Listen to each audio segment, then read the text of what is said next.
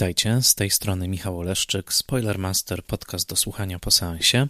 Witam Was w kolejnym odcinku podcastu, w którym opowiadam o kinie bez strachu przed spoilerami. Zapraszam Was do posłuchania odcinka, jeżeli widzieliście film, o którym mówię, ewentualnie jeżeli nie boicie się spoilerów. Ten odcinek jest odcinkiem, który nagrywam po dłuższej wakacyjnej przerwie. Była to pierwsza tak długa przerwa w nagrywaniu Spoilermastera, e, dlatego chcę przede wszystkim podziękować wszystkim, którzy w międzyczasie wysyłali mi pozytywne sygnały o tym, że czekają na nowe odcinki. Nagrywam ten odcinek we wrześniu 2020 roku w dziwnym świecie jednocześnie pandemicznym i postpandemicznym. Wydaje się, że mm, koronawirus wciąż definiuje to, w jaki sposób oglądamy filmy. Wciąż kwestie premier filmów są bardzo skomplikowane. Jest to świat, w którym co prawda Tenet Christophera Nolana czy Pętla Patryka Wegi zrobiły już dobre wyniki kasowe, ale świat nadal, który jest bardzo niepewny, jeżeli chodzi o przyszłość tego, w jaki sposób będziemy oglądać filmy. A zatem wracam do nagrywania odcinków spoilermasterowych w świecie, w którym wciąż nie do końca wiemy, w jaki sposób będziemy filmy konsumować. Wydaje się, że nieuchronnie będzie ta konsumpcja przychylała się w stronę oglądania filmów online ale ja chciałbym powoli zacząć wprowadzać taki rygor, w którym będę przeplatał ze sobą filmy klasyczne, bo cykl Spoiler Master Classic oczywiście nie zniknie, z filmami e, współczesnymi. Na razie jeszcze nie uda mi się uzyskać takiej mm, idealnej synchronii, która pozwalałaby na mój zamierzony plan jednego filmu klasycznego tygodniowo e, i następnym tygodniu filmu nowego. Myślę, że jeszcze trochę ta proporcja na rzecz filmów klasycznych będzie przychylona, ale zapewniam, że nowe filmy także w Spoilermasterze będą obecne. Przerwa zaowocowała wieloma zmianami. Naczelną zmianą jest to, że od y, tego odcinka można wspierać mój podcast w serwisie patronite.pl i bardzo do tego zachęcam. Spoilermaster powstaje ogromnym nakładem pracy. Wszyscy ci z Was, którzy zapoznali się z poprzednimi odcinkami, a było ich ponad 60, y, wiedzą, że są to odcinki, w wkładam nie tylko wiele pasji, ale także bardzo dużo czasu przygotowania, po to, żeby uczynić je jak najciekawszymi dla Was, żeby mm, każdy Spoilermaster był taką właśnie pigułką, wiedzy, tropów, informacji interesujących z punktu widzenia tego, w jaki sposób możemy oglądać filmy, czytać filmy i rozumieć filmy. A zatem, jeżeli uznacie ten materiał za wartościowy, bardzo serdecznie proszę Was przede wszystkim o polajkowanie fanpage'a Spoilermaster Podcast do słuchania po seansie, a także, o ile uznacie to za możliwe i stosowne, o wsparcie, chociażby najskromniejsze, w serwisie patronite.pl.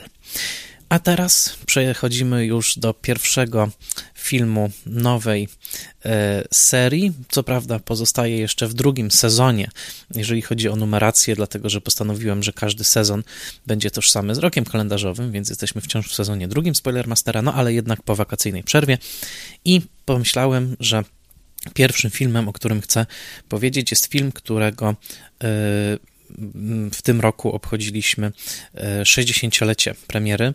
Mm, to jest film Słodkie życie La Dolce Vita e, Federico Felliniego i e, jest to film, który dokładnie 60 lat temu odbierał Złotą Palmę na festiwalu w Cannes. Film, który mm, zdefiniował w pewnym sensie zarówno przełom w karierze Federico Felliniego, reżysera tego filmu, ale także dla wielu zdefiniował kino lat 60., a dla pewnie troszkę mniej licznej, ale wciąż bardzo szerokiej grupy odbiorców, zdefiniował kino artystyczne, kino autorskie. Na wiele lat stał się symbolem kina autorskiego, które jednocześnie może być niebywale kasowe, bo mówimy o filmie, który zarobił ogromną ilość pieniędzy, bardzo osobiste, trudne. Mówimy o trzygodzinnym filmie, który nie ma linearnej fabuły i który raczej jest filmem depresyjnym, mówię to tutaj w dużym e, takim cudzysłowie, ale jednak no nie jest to film, który by podnosił na duchu, a jednocześnie jest to film, który zawładnął wyobraźnią ogromnych, ogromnych rzesz widzów i to w każdym zakątku globu, jednocześnie prezentując wizję tytułowego słodkiego życia jako niesłychanie kuszącą, a zarazem przestrzegając przed tym, do czego eksces owego słodkiego życia może doprowadzić. Jak zwykle w przygotowaniu do odcinka pomogły mi materiały, które mm, przeczytałem, z którymi się zapoznałem przed. W tym przypadku źródłami, którymi się posługuję, są przede wszystkim książka Marii Kornatowskiej pod tytułem Fellini, książka Richarda Dyera pod tytułem La Dolce Vita, wydana w serii BFI Film Classics, znakomity, dostępny za darmo w sieci essay Garego Giddinsa pod tytułem dosłownie Fraki o świcie, Tuxedos at Dawn, znajdujący się na stronie Criterion Collection, a także książka Adama Garbicza i Jacka Klinowskiego, Kinowych Kół Magiczny, tom drugi.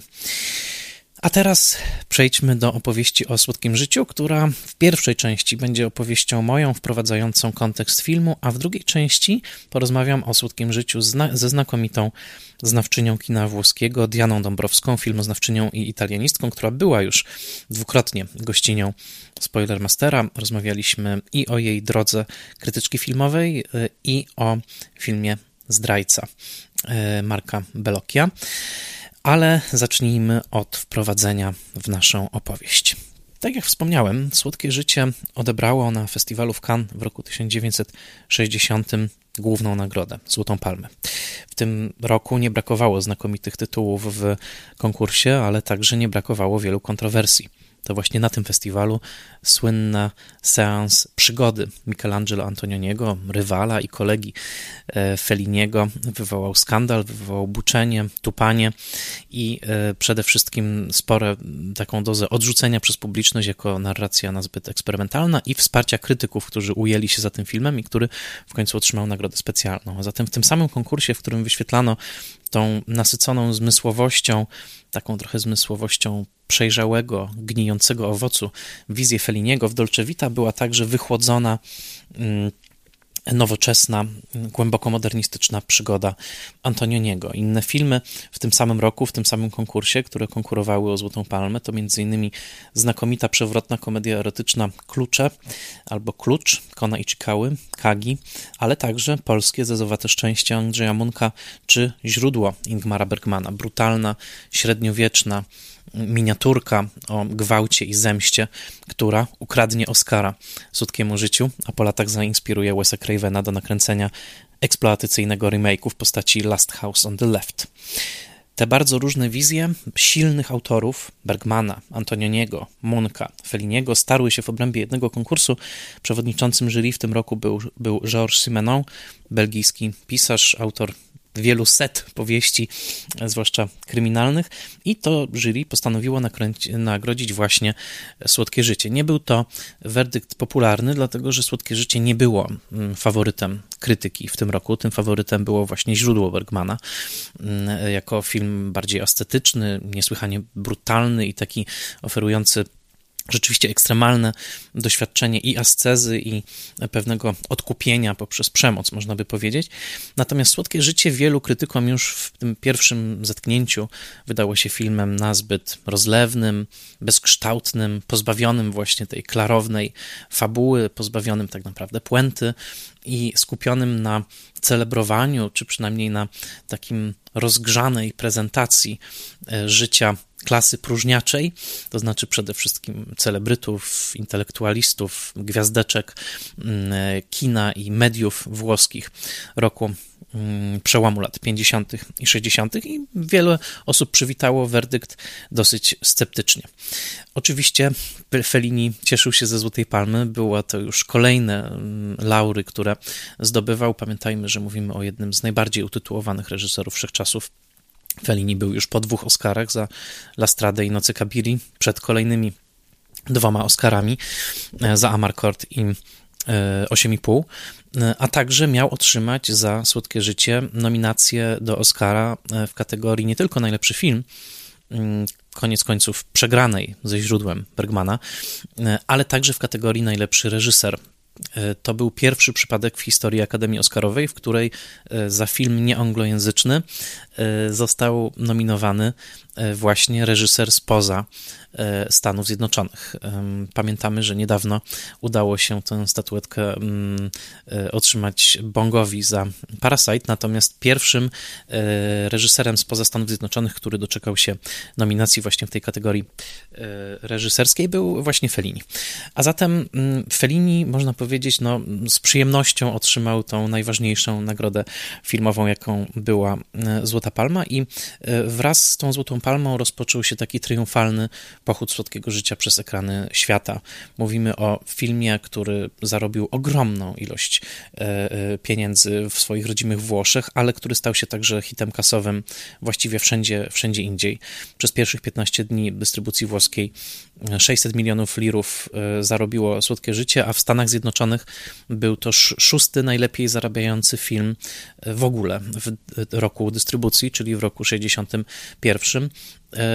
wyprzedzający nawet e, bardzo dochodowe rodzime amerykańskie produkcje, spośród których niektóre nawet podejmowały podobne tematy jak Słodkie Życie. Tutaj warto wskazać na śniadanie u Tiffany'ego Blake'a Edwardsa, które no, pod wieloma względami przypomina e, e, Słodkie Życie.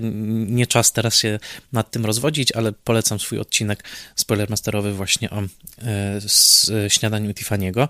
Więc mówimy tak naprawdę o rodzaju e, włoskojęzycznego blockbustera, e, filmu, który zawładnął wyobraźnią zarówno tych bardzo wyrafinowanych kinomanów, jak i wszystkich kinomanów aspirujących do, do wyrafinowania, ale także kinomanów, którzy poszukiwali skandalu, poszukiwali czegoś nie do końca e, szacownego i mm, noszącego na piersi jak dumny medal e, wyklęcie przez Kościół katolicki, do czego za chwilkę, e, do czego za chwilkę wrócę. Także możemy mówić także o Dolce Vita i jako o jednym z najbardziej prestiżowych sukcesów swojego czasu, ale także jako być może najlepiej zarabiającym eksploatacyjnym filmie wszechczasów. Pamiętajmy, że dla Feliniego trudno to do końca liczyć, bo Fellini zaczyna swoją reżyserską karierę u boku Alberto Latłady jako współreżyser, ale powiedzmy, że był to jego siódmy film fabularny, mm, właśnie Słodkie, Słodkie Życie. Był to jednocześnie film, który znaczył ogromny zwrot w karierze tego reżysera, urodzonego w roku 1920, a zatem, co myślę dosyć istotne, 40-letniego w premierze, w roku premiery mm, Słodkiego Życia, reżysera, który zaczynał w zasadzie jako karykaturzysta, humorysta, później jako taki przyjaciel włoskiego neorealizmu, współscenarzysta Rzymu, Miasta Otwartego i Paizy mm, Roberto Rosselliniego, ale także wchodzącego w bardzo kreatywny spór z neorealizmem, poszerzający jego granice o wątki autobiograficzne, magiczne, to takie filmy właśnie jak La Strada, Niebieski Ptak, Wałkonie. Dla Feliniego, jako się rzekło, Słodkie Życie stanowiło gigantyczny zwrot. Nie tylko w tym sensie, że ogromny sukces finansowy tego filmu umożliwił mu realizację wszystkich późniejszych szaleństw, także tych, które okażą się klęskami i artystycznymi, i finansowymi, ale dał ten filmu pewien glejt na to, że szaleństwo Feliniego może być niebywale dochodowe, ale także pod względem kreatywnym. No wszystkie, żaden z poprzednich filmów Feliniego nawet nie zwiastował, że ten twórca raczej klasycznie skrojonych, chociaż e, pod pewnymi względami eksperymentalnych narracji w rodzaju Lastrady czy Nocy Kabiri, mm, może zaszaleć w postaci, e, kręcąc trzygodzinny film będący rodzajem jak sam mówił, fresku, a może ferii, a może pewnego karnawału, a może pewnej rozpisanej na trzy godziny rozkładówki plotkarskiego czasopisma. Tak też o tym filmie można powiedzieć.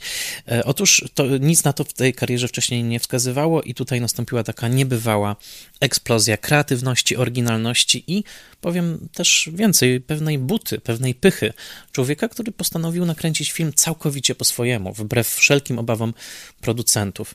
Producenci bardzo mieli prawo się obawiać, bo nikt takiego filmu wcześniej nie nakręcił. W zasadzie można by wskazać ewentualnie na wczesne filmy Ericha Stroheima jako podobne szaleństwa w historii kina.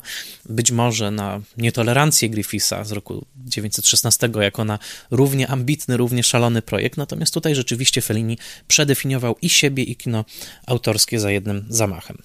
Jako się rzekło, nie było łatwo przekonać producentów do tego projektu. Słynny, legendarny producent Dino De Laurentiis popukał się w głowę i wycofał się z projektu. Powiedział, że jest zbyt pesymistyczny, że nie ma w nim nawet, cytat, promyka nadziei, ale udało się przekonać e, e, dwóch e, innych producentów, o których już za chwilkę Wam powiem. Natomiast przede wszystkim no, był to film, który form, formował się, powstawał w takiej niebywałej, ciągłej synergii z, mm, pomiędzy ludźmi, pomiędzy osobowościami, pomiędzy różnymi osobami, które miały ogromny wpływ na jego kształt, ale także, i to jest bardzo ważne, i to chciałbym, żebyście zapamiętali, zapamiętali mm, z dzisiejszej audycji, mianowicie mm, z samym życiem, to znaczy z tym, co działo się w Rzymie, co działo się we Włoszech, właściwie przez całe lata 50., ale oczywiście głównie w ostatnich latach tej dekady, dlatego że o czym warto pamiętać, kiedy oglądacie ten film i kiedy macie być może taki odruch, żeby potraktować go jako takie wyryte w kamieniu arcydzieło, e, w którym każdy ruch kamery jest ważny i każdy szczegół jest przemyślany, zmieńcie trochę swoją perspektywę i spójrzcie na ten film jako na to, czym on w istocie jest. To znaczy, jest, jest czymś, co już w momencie powstawania było bardzo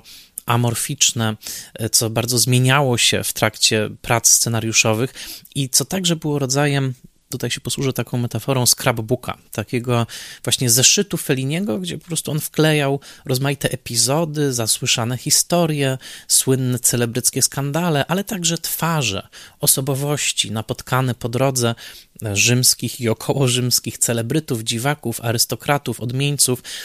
Ten film powstawał w pewnym sensie jako taki mm, filtr, to jako taka zarzucona na, na wody rzymskiej socjety sieć, która chwytała te ryby, te stwory, e, tutaj nawiązuję do zakończenia, które w Feliniemu wydało się jakoś ciekawe i, że tak powiem, gotowy film jest napełnioną rybacką siecią. To znaczy te właśnie twarze, osobowości, historie, które Feliniego uwagę przykuły i które oczywiście oczywiście też były mu przynoszone przez jego współscenarzystów Tullio Pinelliego, Ennio Flaiano, Brunello Rondiego i Pier Paolo Pasoliniego, który miał także duży wkład, jeżeli chodzi o sceny rozgrywające się wśród mm, dolnych pięter e, e, rzymskiego społeczeństwa, zwłaszcza te sceny mm, z prostytutkami. Więc to wszystko oni mu przynosili, on wybierał y, i, i, i, w ten sposób powstał ten właśnie kolaż, fresk, ogromne, szerokie, nakręcone na szerokim ekranie mm, Total Scope'u w czerni i bieli y, y, arcydzieło.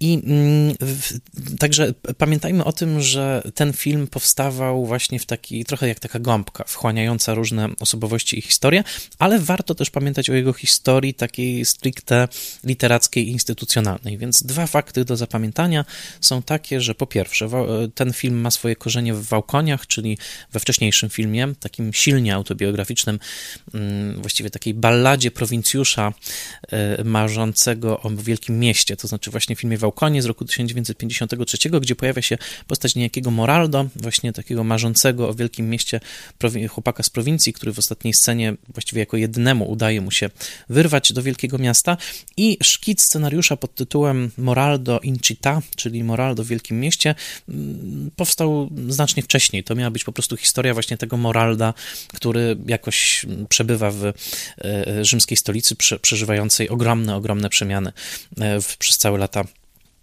50. Więc to był wyjściowy pomysł, on w końcu został za, zarzucony, ale jeżeli przyjrzycie się postaci Marcello Rubiniego, czyli tego dziennikarza, który stoi w centrum owego wiru zdarzeń, jakim jest Słodkie Życie, oczywiście w tej roli Marcello Mastroianni, to y, jego zalążkiem, takim zaczynem była właśnie postać owego Moralda w mieście. I teraz pomysł bardzo wyewoluował, wyewoluował ował e, i zmienił się. Po, po, przede wszystkim poprzez różne starcia twórcze ze współscenarzystami, z e, producentami, tak jak wspomniałem, Dino De Laurentiis był e, pierwszym, który odrzucił, ale potem znalazł się Pepino Amato, legendarny producent, który zamieszkiwał w hotelu Excelsior, pokazanym zresztą w filmie, który wpadał w rozmaite paroksyzmy emocjonalne, współpracując i kłócąc się z Fellinim, ale przede wszystkim Angelo Rizzoli, to jego firma Cineritz, która, której logo pojawia się na początku jest e, właściwie tutaj głównym takim mm, siłą producencką. Rizzoli, co ważne, był także właścicielem sieci pism plotkarskich ilustrowanych, e, wydawanych w Mediolanie i nie jest przypadkiem, że to właśnie on Także stał się tutaj ważną siłą twórczą, dlatego że, tak jak wskazuje chociażby Richard Dyer w tej książce, o której wspomniałem, samo Słodkie Życie też jest rodzajem takiego plotkarskiego magazynu, tyle że przepisanego w język wielkiej sztuki. E, pamiętajmy, że dla widzów, którzy oglądali ten film w Rzymie, chociażby w lutym 60 roku, kiedy on wchodził na ekrany, część przyjemności płynęła z tego, że rozpoznawali twarze, rozpoznawali twarze właśnie bywalców, e, tych gwiazdeczek, tych wannabes, jakbyśmy dzisiaj powiedzieli.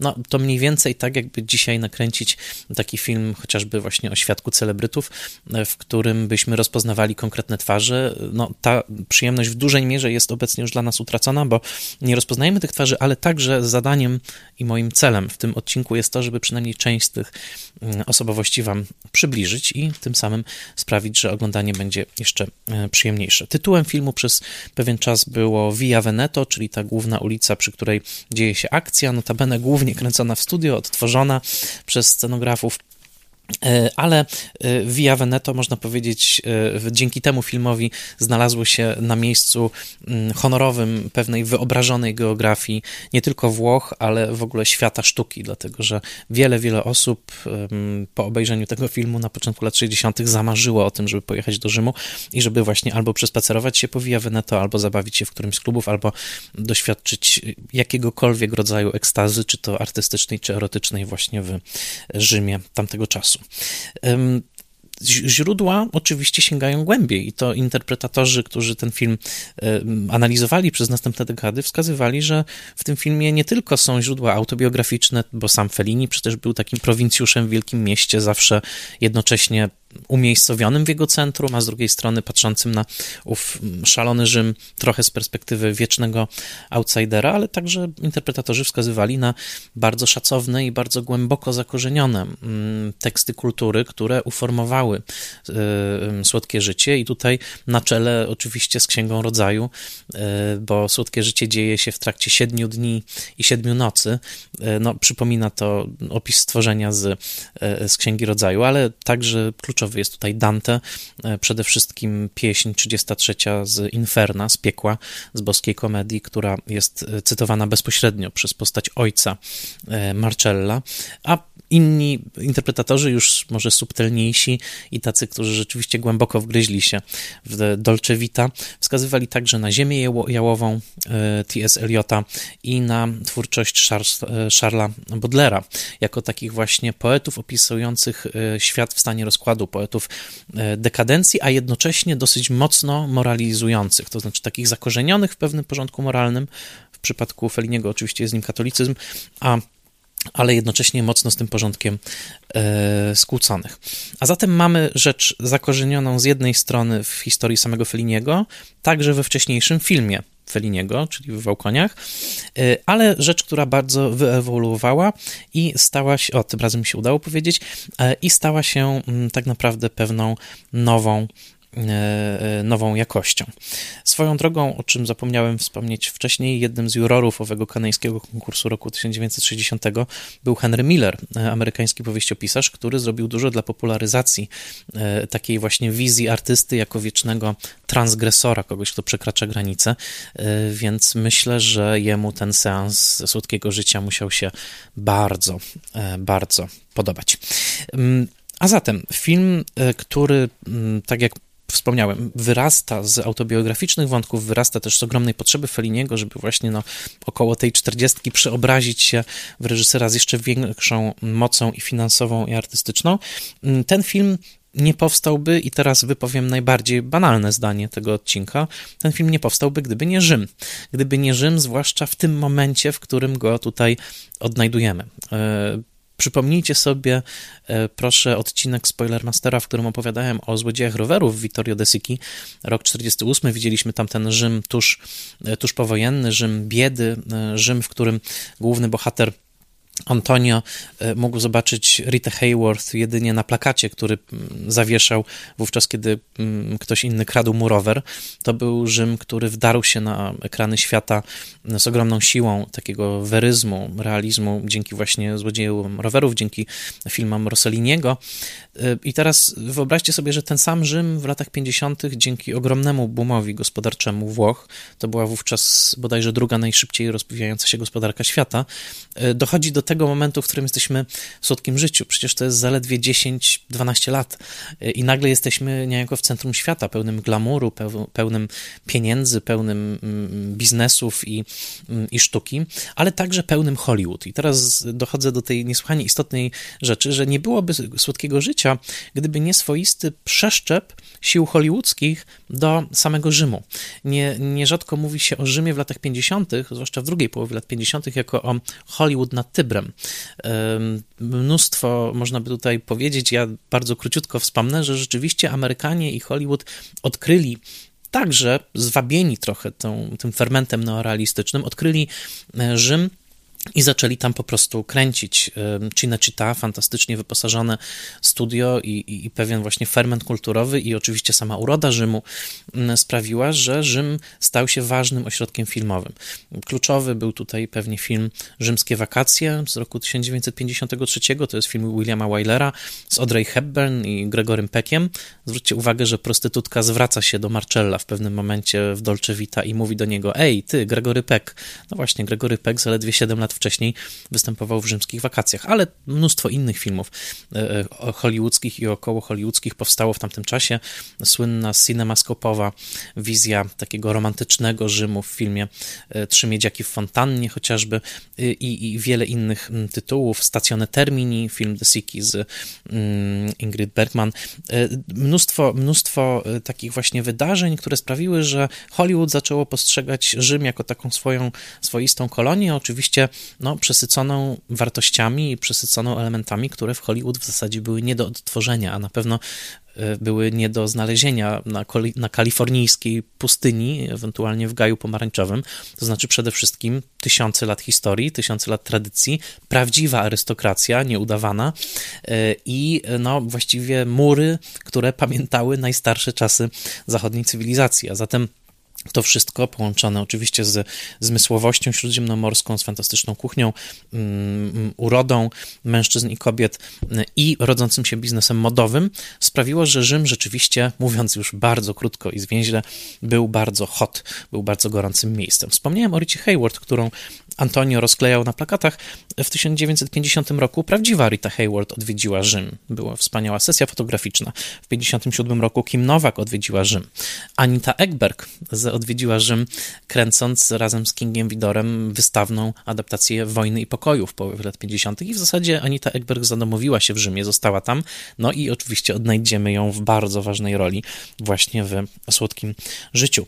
A zatem te wszystkie mm, gwiazdy, ci, ci te osobowości, ci celebryci zadomowili się niejako w Rzymie i sprawili, że Rzym nagle uzyskał nie, y, wspaniałą, alchemiczną wręcz mieszankę starej historii, tej właśnie sięgającej nawet najgłębszych źródeł kultury, a tym, co najnowsze, najbardziej ekscytujące, czyli właśnie e, hollywoodzkie i najlepiej chyba ten obrazek streszcza właśnie obraz e, Audrey Hepburn i Gregorego Peka mknących przez Rzym na skuterze Vespa, e, cieszących się tym miastem, a jednocześnie wcielających coś bardzo ekscytującego, coś bardzo nowego w światowej, globalnej, masowej, masowej kulturze. A zatem to wszystko sprawiło, że Rzym pod koniec lat 50. był faktycznie miejscem, o którym warto było pisać, ale także które warto było fotografować.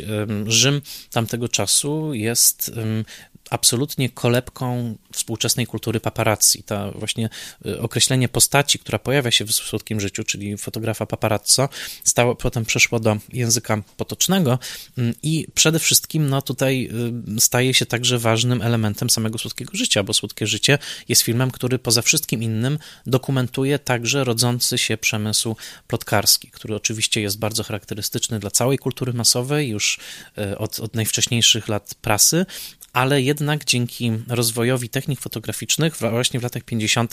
uzyskuje niebywały impet. Uzyskuje ten impet także dzięki powolnej erozji obyczajowych norm, które i takich norm etycznych, które zakazywały publikacji pewnego typu materiałów.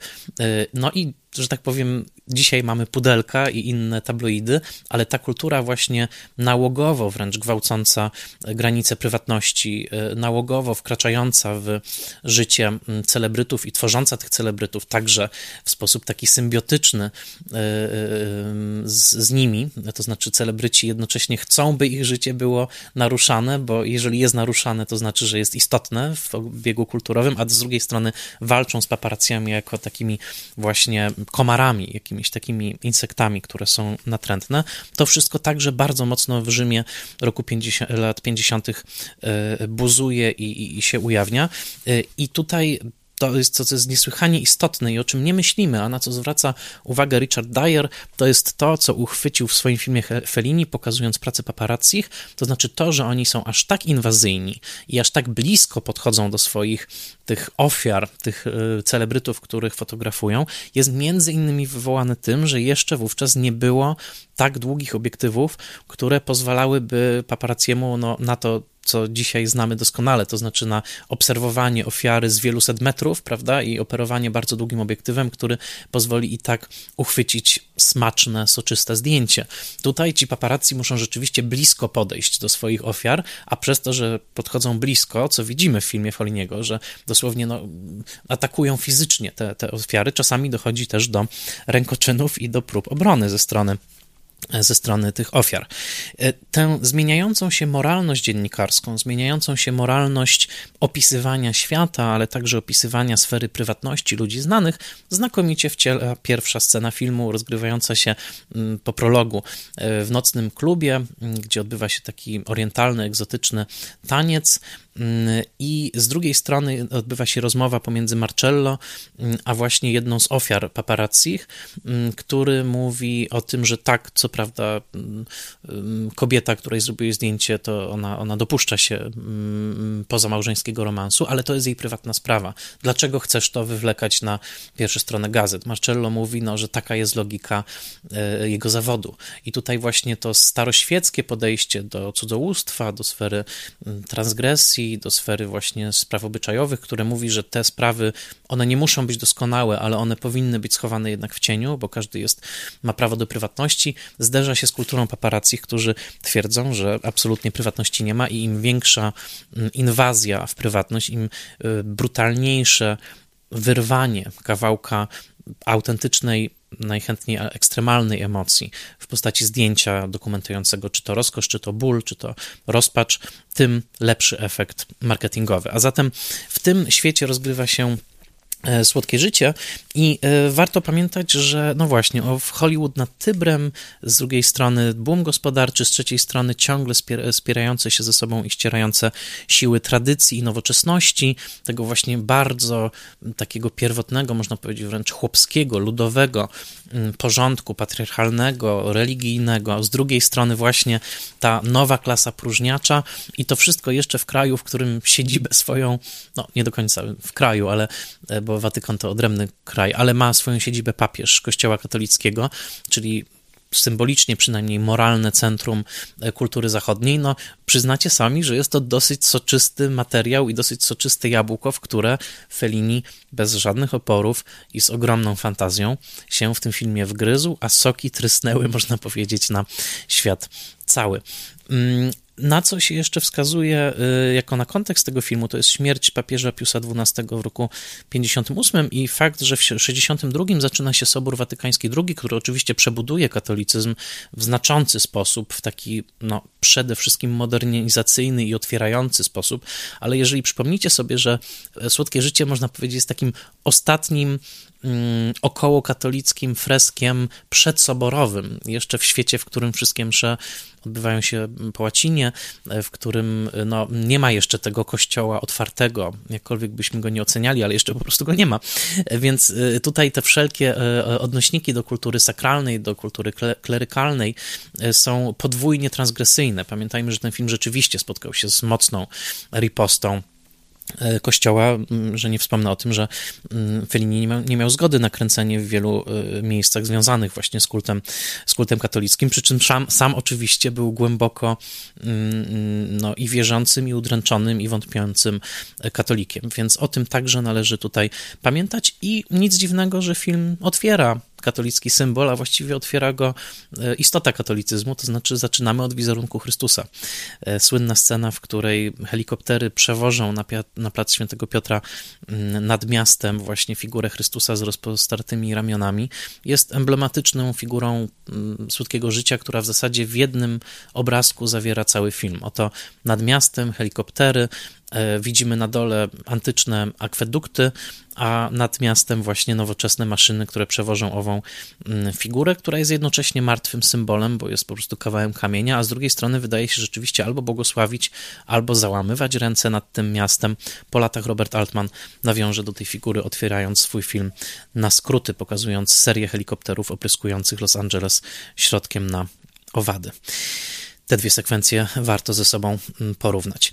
E, więc zaczyna się od Chrystusa i tutaj zaproponuję taką swoją interpretację, której nie wyczytałem nigdzie, ale która narzuciła mi się po dwukrotnym obejrzeniu tego filmu, kiedy przygotowywałem się do odcinka. Otóż Słodkie życie w tym sensie też wydaje mi się filmem głęboko chrześcijańskim, że nie tylko mamy tu te tropy w postaci Dantego, bo być może jest to współczesne Inferno w postaci właśnie tych siedmiu dni i siedmiu nocy, być może jest to nowa Księga Rodzaju, ale wydaje mi się, że przede wszystkim dlatego, że takim głównym strukturalnym narzędziem tych różnych historii, które tu się toczą, zaczynają, nie do końca się kończą, jest motyw odwiedzin, a może wręcz motyw nawiedzenia. Motyw kluczowy dla chrześcijaństwa, które całe zbudowane jest na wierze wokół właśnie nawiedzenia, tak? Nawiedzenia Chrystusa przez, e, nawiedzenia ludzkości przez, przez Chrystusa, mm, takiego właśnie chwilowego pojawienia się i, i zniknięcia. Oglądając ten film, obecnie spoglądałem na Marcella, który to wielu komentatorów wspominało, który zanurza się kilkakrotnie w noc po to, żeby uciec od bólu istnienia. Ten film rozgrywa się głównie wieczorami, nocą i porankiem. E, po to tylko, żeby właśnie takie bezlitosne światło dnia obudziło go następnego poranka i kazało zapytać: No właśnie, czy udało ci się uciec? Czy było warto? Czy znalazłeś to, czego szukasz? Patrzyłem na ten film i właśnie cały czas narzucał mi się ten motyw nawiedzenia, motyw krótkiej wizyty, motyw pojawienia się i zniknięcia.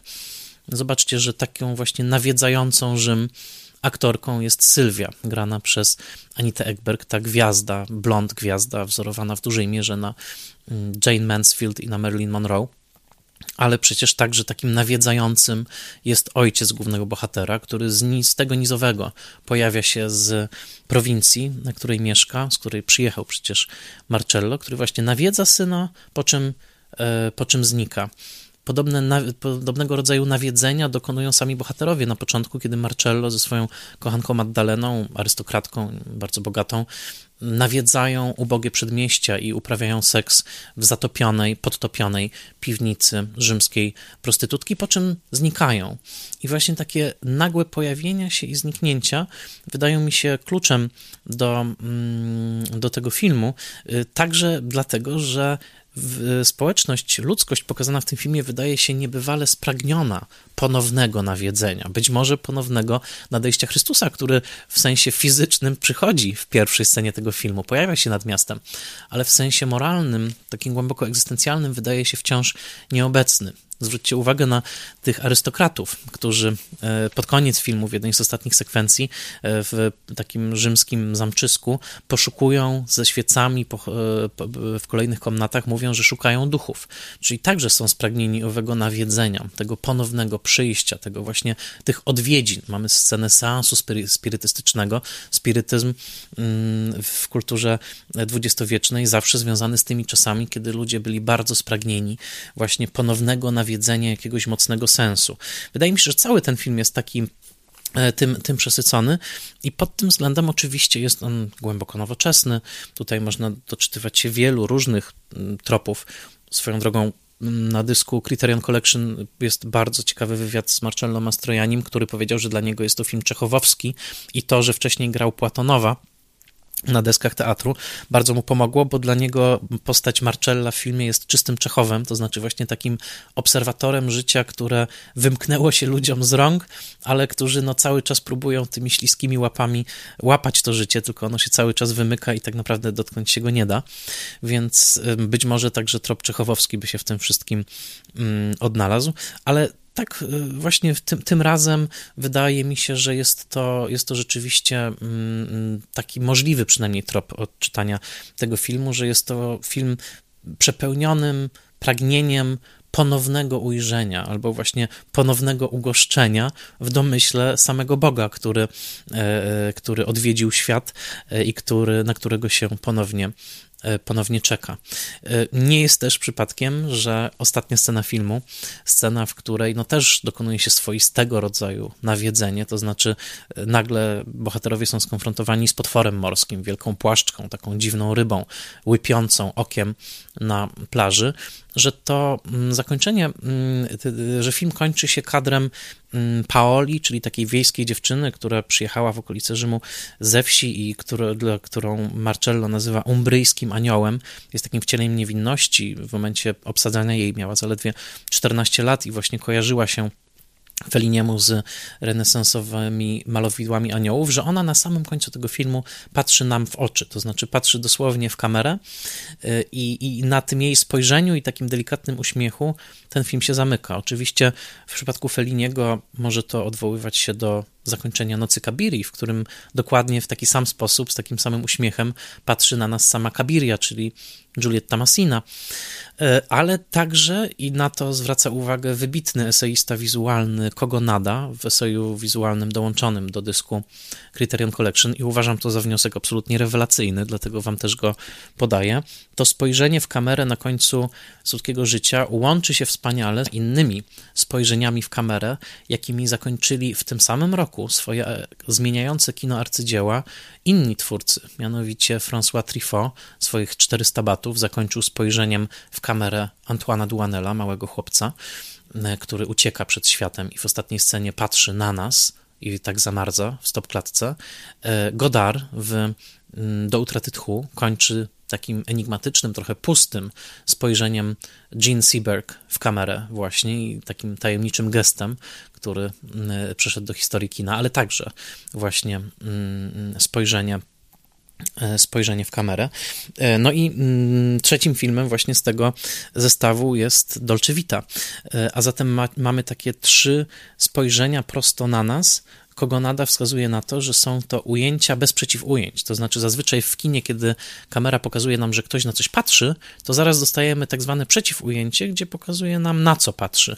Kogonada, wybitny naprawdę interpretator, mówi: Nie, nie, nie, tu nie może być przeciwujęcia, bo ci bohaterowie patrzą na nas. I my musimy po zakończonym filmie, film się kończy, y, sala się robi ciemna, przeciw ujęciem stajemy się my.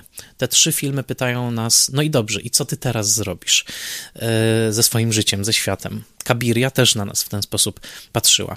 A zatem jest to dosyć interesujące. Polecam wam też ten wideo essay, bo jest tam także ciekawa interpretacja sceny w domu Steinera, pisarza, ale e, w to się nie będę teraz e, zagłębiał. Natomiast na mm, w ostatniej części, przed ugoszczeniem tutaj Diany Dąbrowskiej, chcę wskazać jeszcze na dwa poziomy tego filmu. To znaczy na poziom czysto dokumentalny, to znaczy chcę pokazać Wam przynajmniej kilka postaci i wątków, które Fellini zaczerpnął z prawdziwego życia i włączył je do tego wielkiego scrapbooka, tak byśmy powiedzieli, do tego wielkiego właśnie mm, katalogu rzymskich plotek, który przerobił na słodkie życie, a po drugie wskazać na takie życie po życiu słodkiego życia, to znaczy na to, że ten film się odradzał. Jak Feniks z popiołów, on co jakiś czas wciela się w inny film. Inny film stara się być jak słodkie życie, albo mruga do nas, e, mówiąc właśnie takim językiem słodkiego życia. A zatem krótki przegląd owych prawdziwych postaci, które możecie odnaleźć na ekranie w Słodkim Życiu. I tu podążam stricte za Richardem Dyerem, który bardzo pracowicie je wyliczył. Oczywiście odsyłam was do samej książki, bo nie wyliczę wszystkich tak jak on, ale część z nich wydała mi się bardzo interesująca. A zatem w punktach, bardzo krótko, bardzo konkretnie. Patrzymy na scenę Chrystusa nad Rzymem. To ma zakorzenienie w rzeczywistości. 1 maja roku 1956 mm, miasto Mediolan sprezentowało Watykanowi e, taką właśnie figurę e, i w tym sensie mm, Fellini o tym po prostu przeczytał. Swoją drogą figura nie dędała sobie tak malowniczo jak tutaj z tych sznurów, tylko była przytroczona do boku helikoptera, no ale to byłby gorszy filmowy obrazek, więc tutaj absolutnie rozumiem, że e, Fellini i jego E, operator e, zdecydowali się na mm, Otello Martelli na taki zabieg, ale tak, 1 maja 56 roku faktycznie Chrystus przeleciał helikopterem nad, e, nad, mm, nad Rzymem. Sama postać Marcella, poza tym, że jest oczywiście oparta na Felinim, jego stanie ducha, jest też oparta na Wiktorze Tiuffo, który napisał, który był takim właśnie dziennikarzem, plotkarzem, pisarzem, właściwie ciągle obecnym na Via Veneto, który po latach napisał nawet książkę La Dolce Vita Minute per Minute. Mam nadzieję, że to dobrze przeczytałem. E, I sam twierdził, że w dużej mierze to, co jemu się przytrafiało, trafiło także do filmu.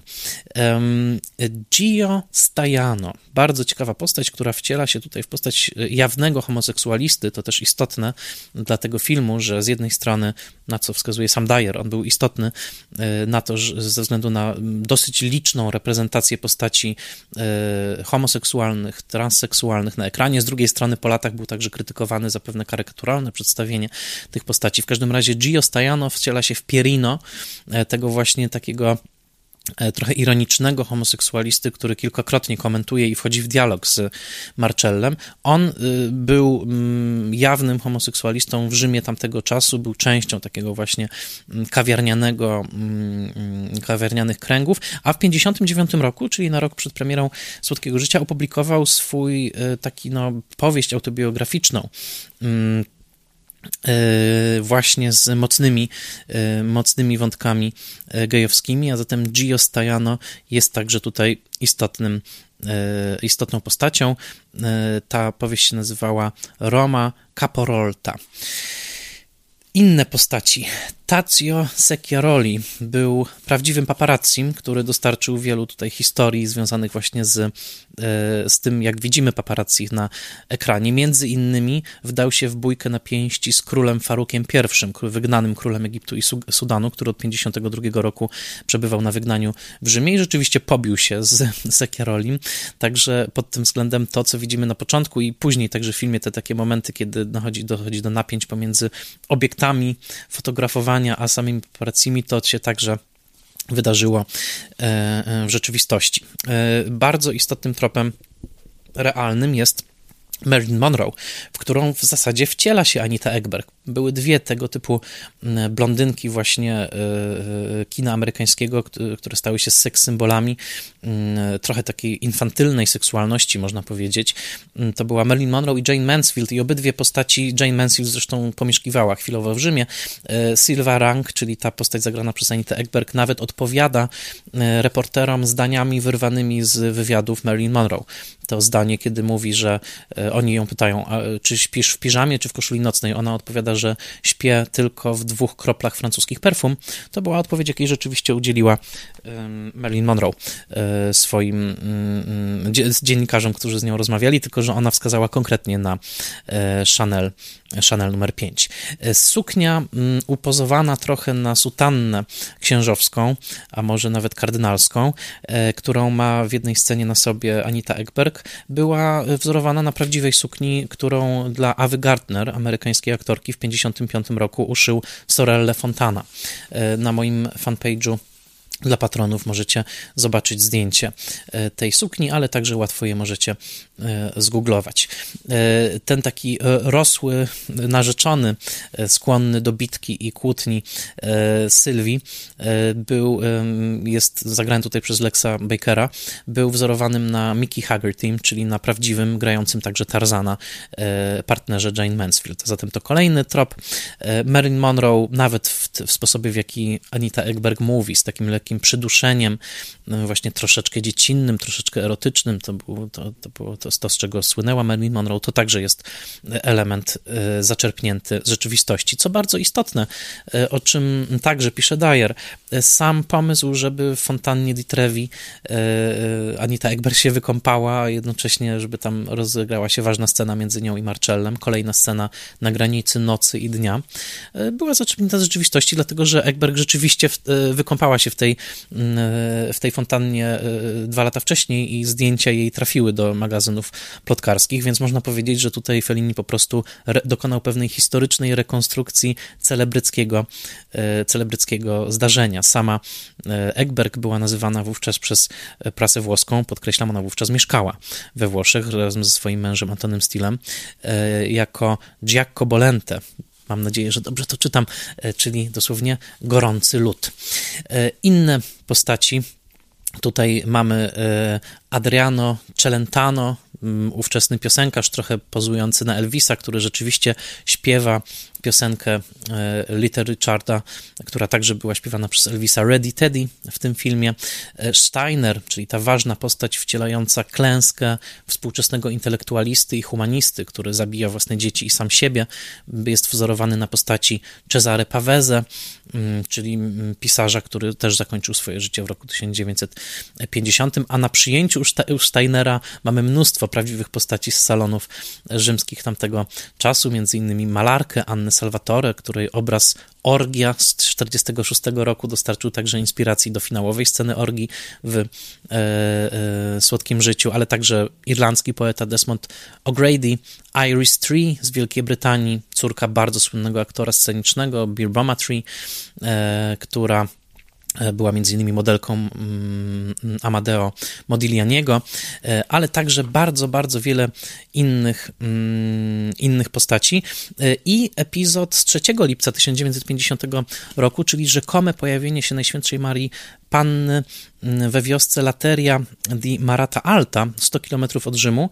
Y, sekwencja fałszywego objawienia się w y, słodkim życiu jest bardzo długa i bardzo efektowna, ale to właśnie znowu Fellini zaczerpnął z rzeczywistości, a także Secchiaroli, y, nie tylko, czyli ów paparazzi, był wówczas na miejscu, tutaj też paparazzi są pokazani na miejscu tego rzekomego cudu.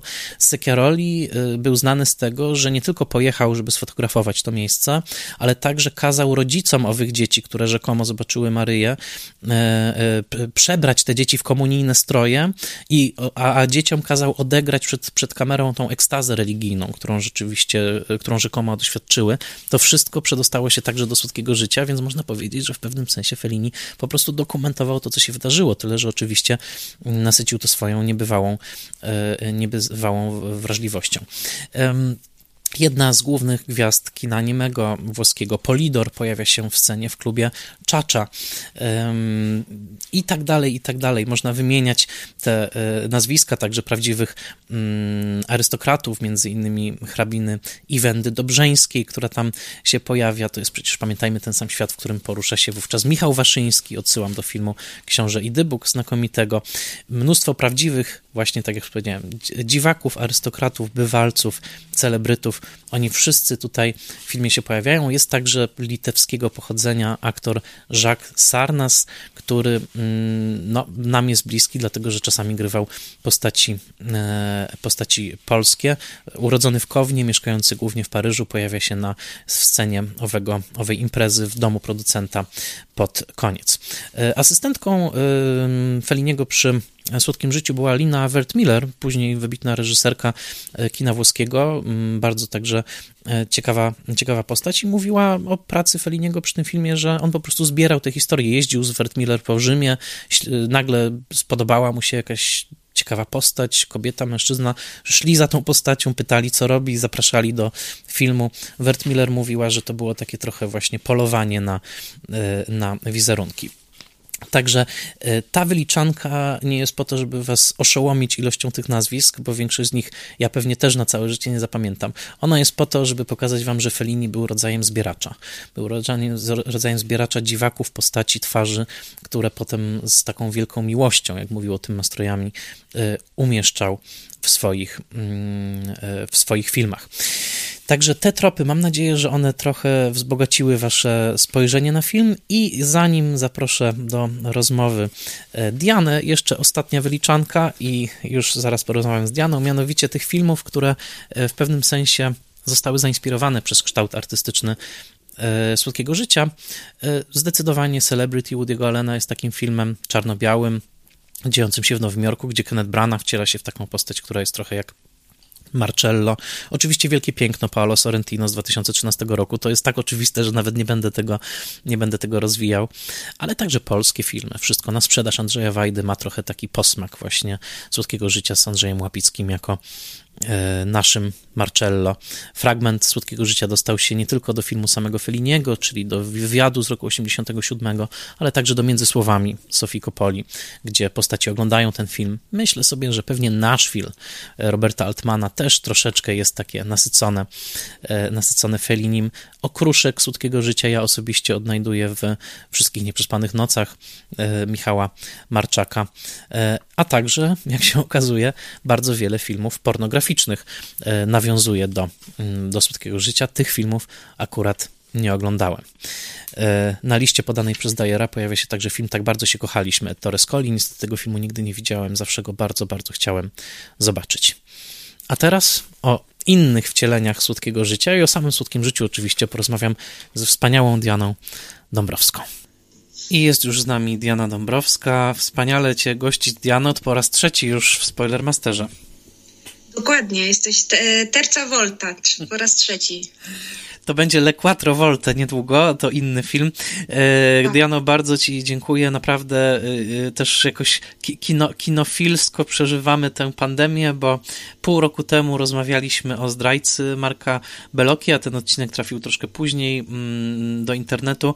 Teraz przechodzimy do klasyki kina włoskiego i do filmu, o którym zacząłem już dzisiaj opowieść w odcinku, ale Ciebie przede wszystkim chciałbym na początek zapytać, bo, bo wiem, że i Fellini jest ci bliski i ten film i masz gigantyczną wiedzę na jego temat. Powiedz mi, mm, no 60 lat, tak, minęło, minęło w, tym, w tym roku. E, jak słodkie życie żyło przez tych sześć dekad, bo przecież to nie tylko jest ten moment, kiedy film wszedł na ekrany, prawda? Ale to jest też, mam wrażenie, taki film, który zmieniał się e, razem z kolejnymi dekadami, jego odczytania się zmieniały. Gdybyś miała tak nakreślić taki podstawowy kierunek tego właśnie, w jaki sposób Słodkie Życie weszło do tego krwiobiegu włoskiego kina, włoskiej kultury, to co wydaje ci się najważniejsze? No tutaj moglibyśmy wyróżnić kilka momentów. To jest bardzo ciekawe pytanie. E, też warto zwrócić uwagę na fakt, że kiedy rysuje się ta panorama taka bardzo też w takiej synergii zanurzona lat e, boomu ekonomicznego, to tam bardzo często dochodziło do takich e, w sumie na skalę europejską czy w ogóle światową, jakichś takich ciekawych gier pomiędzy filmami, które budowały bardzo ciekawą narrację medialną. Czyli na przykład Słodkie Życie już było bardzo szybko parodiowane po swoim powstaniu, ale to w ogóle bardzo często się działo w kontekście filmów tak zwanej wtedy lat 60. Wielkiej Trójki, nazwiska są często łączone, rozsypywane, ale tak tą, tą świętą trójcą włoskiego kina e, na początku lat 60. i oni też tak dominują tymi swoimi filmami, no to jest Fellini, Antonioni i Visconti, czyli kolejno Dolce Vita, Przygoda, e, czyli La Ventura i Rocco jego bracia. I ta trójka jakby też spotkała się z takim największym komentarzem ze stron kina, byśmy teraz to nazwali kina klasy B, e, czy, czy w ogóle kina komediowego też różnego, które potem po latach zostało bardziej docenione, część tych twórców została bardziej docenionych, także to było ciekawe już widać, jak oglądać, jak, jak to słodkie życie wchodzi jako w ogóle coś do języka, to dolce farniente staje się synonimiczne z, dol, z. E, to może będzie później jeszcze okazja powiedzieć o takiej bardzo ciekawej parodii, e, czy w ogóle takiego nawiązania filmowego tej samej wytwórni, która wyprodukowała Słodkie Życie, czyli Toto Pepine La Dolcevita z genialnym Toto. O, i tu ci, tu ci przerwę, jest... tu ci przerwę, bo koniecznie chcę, żebyś powiedziała właśnie o tym filmie, którego tytuł teraz y, wymieniłaś, bo w rok po Słodkim Życiu, czyli już w roku 61, wchodzi na ekrany właśnie ten film.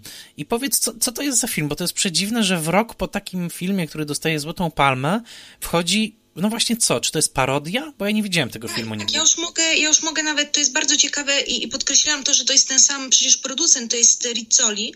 E, to bardzo często był taki mechanizm, jeżeli chodzi o włoską produkcję. W momencie, kiedy projekt był e, bardzo, jakiś taki wytwórnia miała bardzo ambitny projekt do zrealizowania. Mówimy o Słodkim Życiu, które w ogóle to, że nikt go nie chciał prawie, że zrealizować, są historyczne, prawda, spory, który z producentów uwierzył jako pierwszy, jak to ostatecznie trafiło poprzez tych różnych innych wielkich, ostatecznie jak ale też takie nazwisko Amato tutaj powinno się pojawić. To jest bardzo ciekawe, że często jako zabezpieczenia na duży jeden tytuł, tak zwanego nazwijmy to teraz roboczo mistrza autora e, i tutaj ta trójka, szczególnie potem z Viscontim i jego też kostiumowymi realizacjami, no bo później takim wielkim filmem lat 60. będzie Gattopardo, które też przecież e, te, e, też wytwórnia musiała się jakoś zabezpieczyć. Rysowano kilka mniejszych filmów, które było wiadomo, że spotkają się z wielką popularnością wśród widzów, będą bardzo tanie w realizacji i będą po prostu jakby zwracały, gdyby się okazało, że ten film jest porażką, potrzebne było tego typu zabezpieczenie.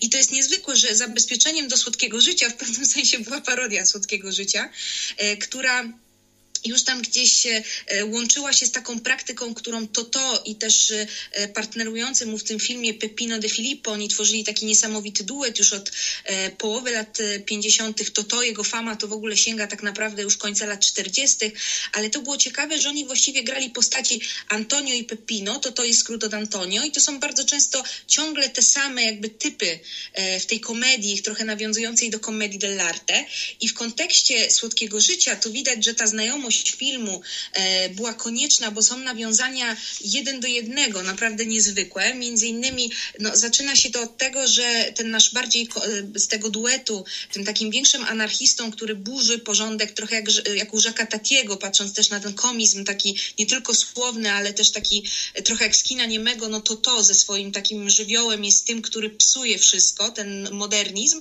a Pepino jest tym konserwatystą i też często w tych filmach jest związany z polityką.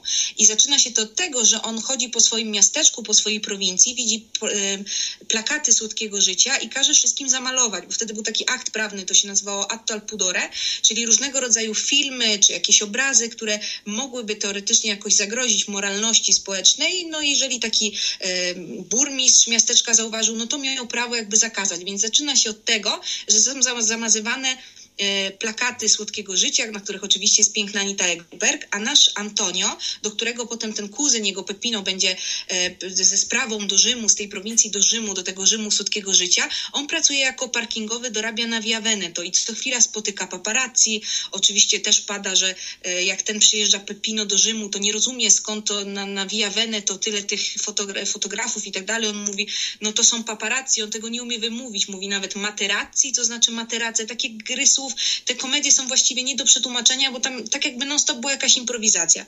Ale co do scen takich naprawdę niezwykłych, oprócz całych tych arystokratów, którzy gdzieś tam ich zabierają na różnego rodzaju imprezy, jest genialne pokazane to, jak tym, w tym Rzymie on jest e, pełen właśnie turystek amerykańskich, szczególnie pięknych, które gdzieś tam też trochę tą Anitę by przypominały i oni próbują na przykład się z nimi porozumieć i nawiązując do tego, co tak wspaniale przedstawiłeś w tej pierwszej części, do tego mitu Hollywood nad Tybrem, oni gdzieś jakąś łamaną francuszczyzną, no angielski widać nie bardzo, próbują się dogadać z tymi paniami, które chcą zabrać do nightclubu, no bo gdzie indziej w Rzymie lat 60.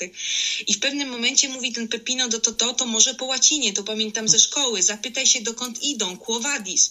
Na co no to to próbuje i mówi do jednej z tych, z tych pań, Quo a ona odpowiada wolę Ben Hur. I to jest non-stop taka gra jakiejś takiej wymieszanej gdzieś tam w tym kontekście włosko-amerykańskim przecież i olbrzymiej wspólnej fascynacji i przyjaźni też, nazwijmy to tak oczywiście w cudzysłowie politycznej.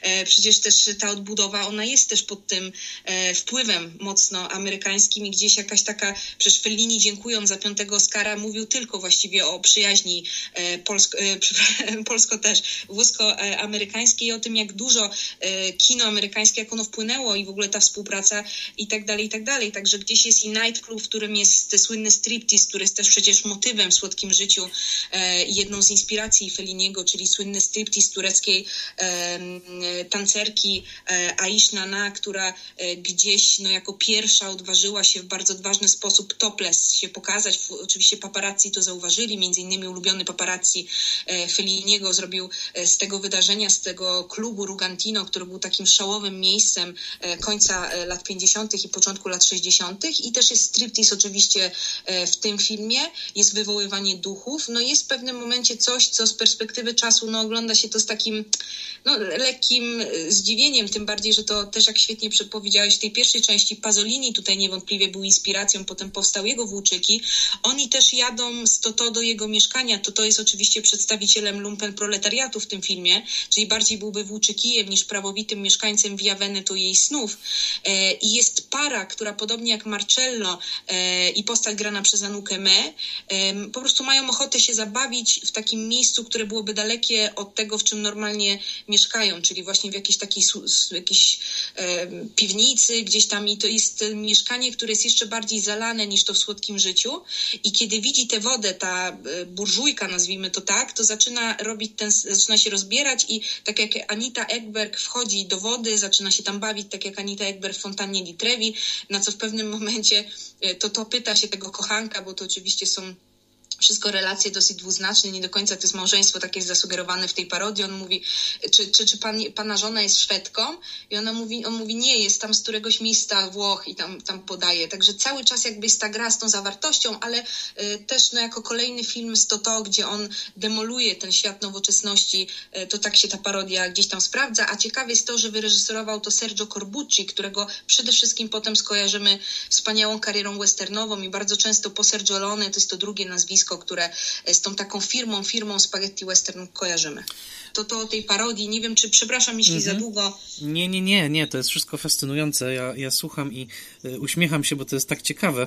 Y, ale no właśnie, czyli mamy tą parodię słodkiego życia, ale też znakomite jest to, że wspomniałaś o tej wielkiej trójcy, y, właśnie Fellini, Visconti, Antonioni, dlatego że no, nawet patrząc na sam festiwal w Cannes, prawda, że tak powiem, każdy z nich w latach 60. odbierze Złotą Palmę. E, Visconti właśnie za Lamparta, o którym wspomniałaś. Antonioni, no co prawda, za film brytyjski, tak, więc jakby pod inną banderą oczywiście chodzi o powiększenie e, blow up, no ale tak, to była ta wielka, e, wielka trójca ale no trzeba Zwróć powiedzieć... uwagę, aha, Michał, to aha. jest bardzo ciekawe, jakich kariery, gdybyśmy mieli je zestawić w takim krótkim przebiegu, oni razem w pewnym momencie decydują się, żeby zrobić e, no, znaczącą jakby taką odmianę w swojej filmografii w kontekście neorealizmu.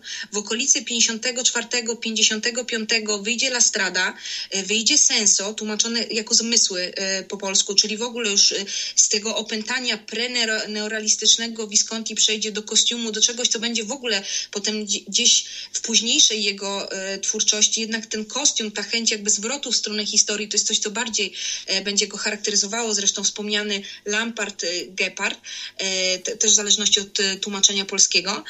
I Antonioni robi też coś, co uważamy za jego pełnoprawny debiut, czyli Kronikę pewnej miłości, która chociaż będzie miała taki zapęd moralistyczny, to będzie opowieścią o klasach wyższych.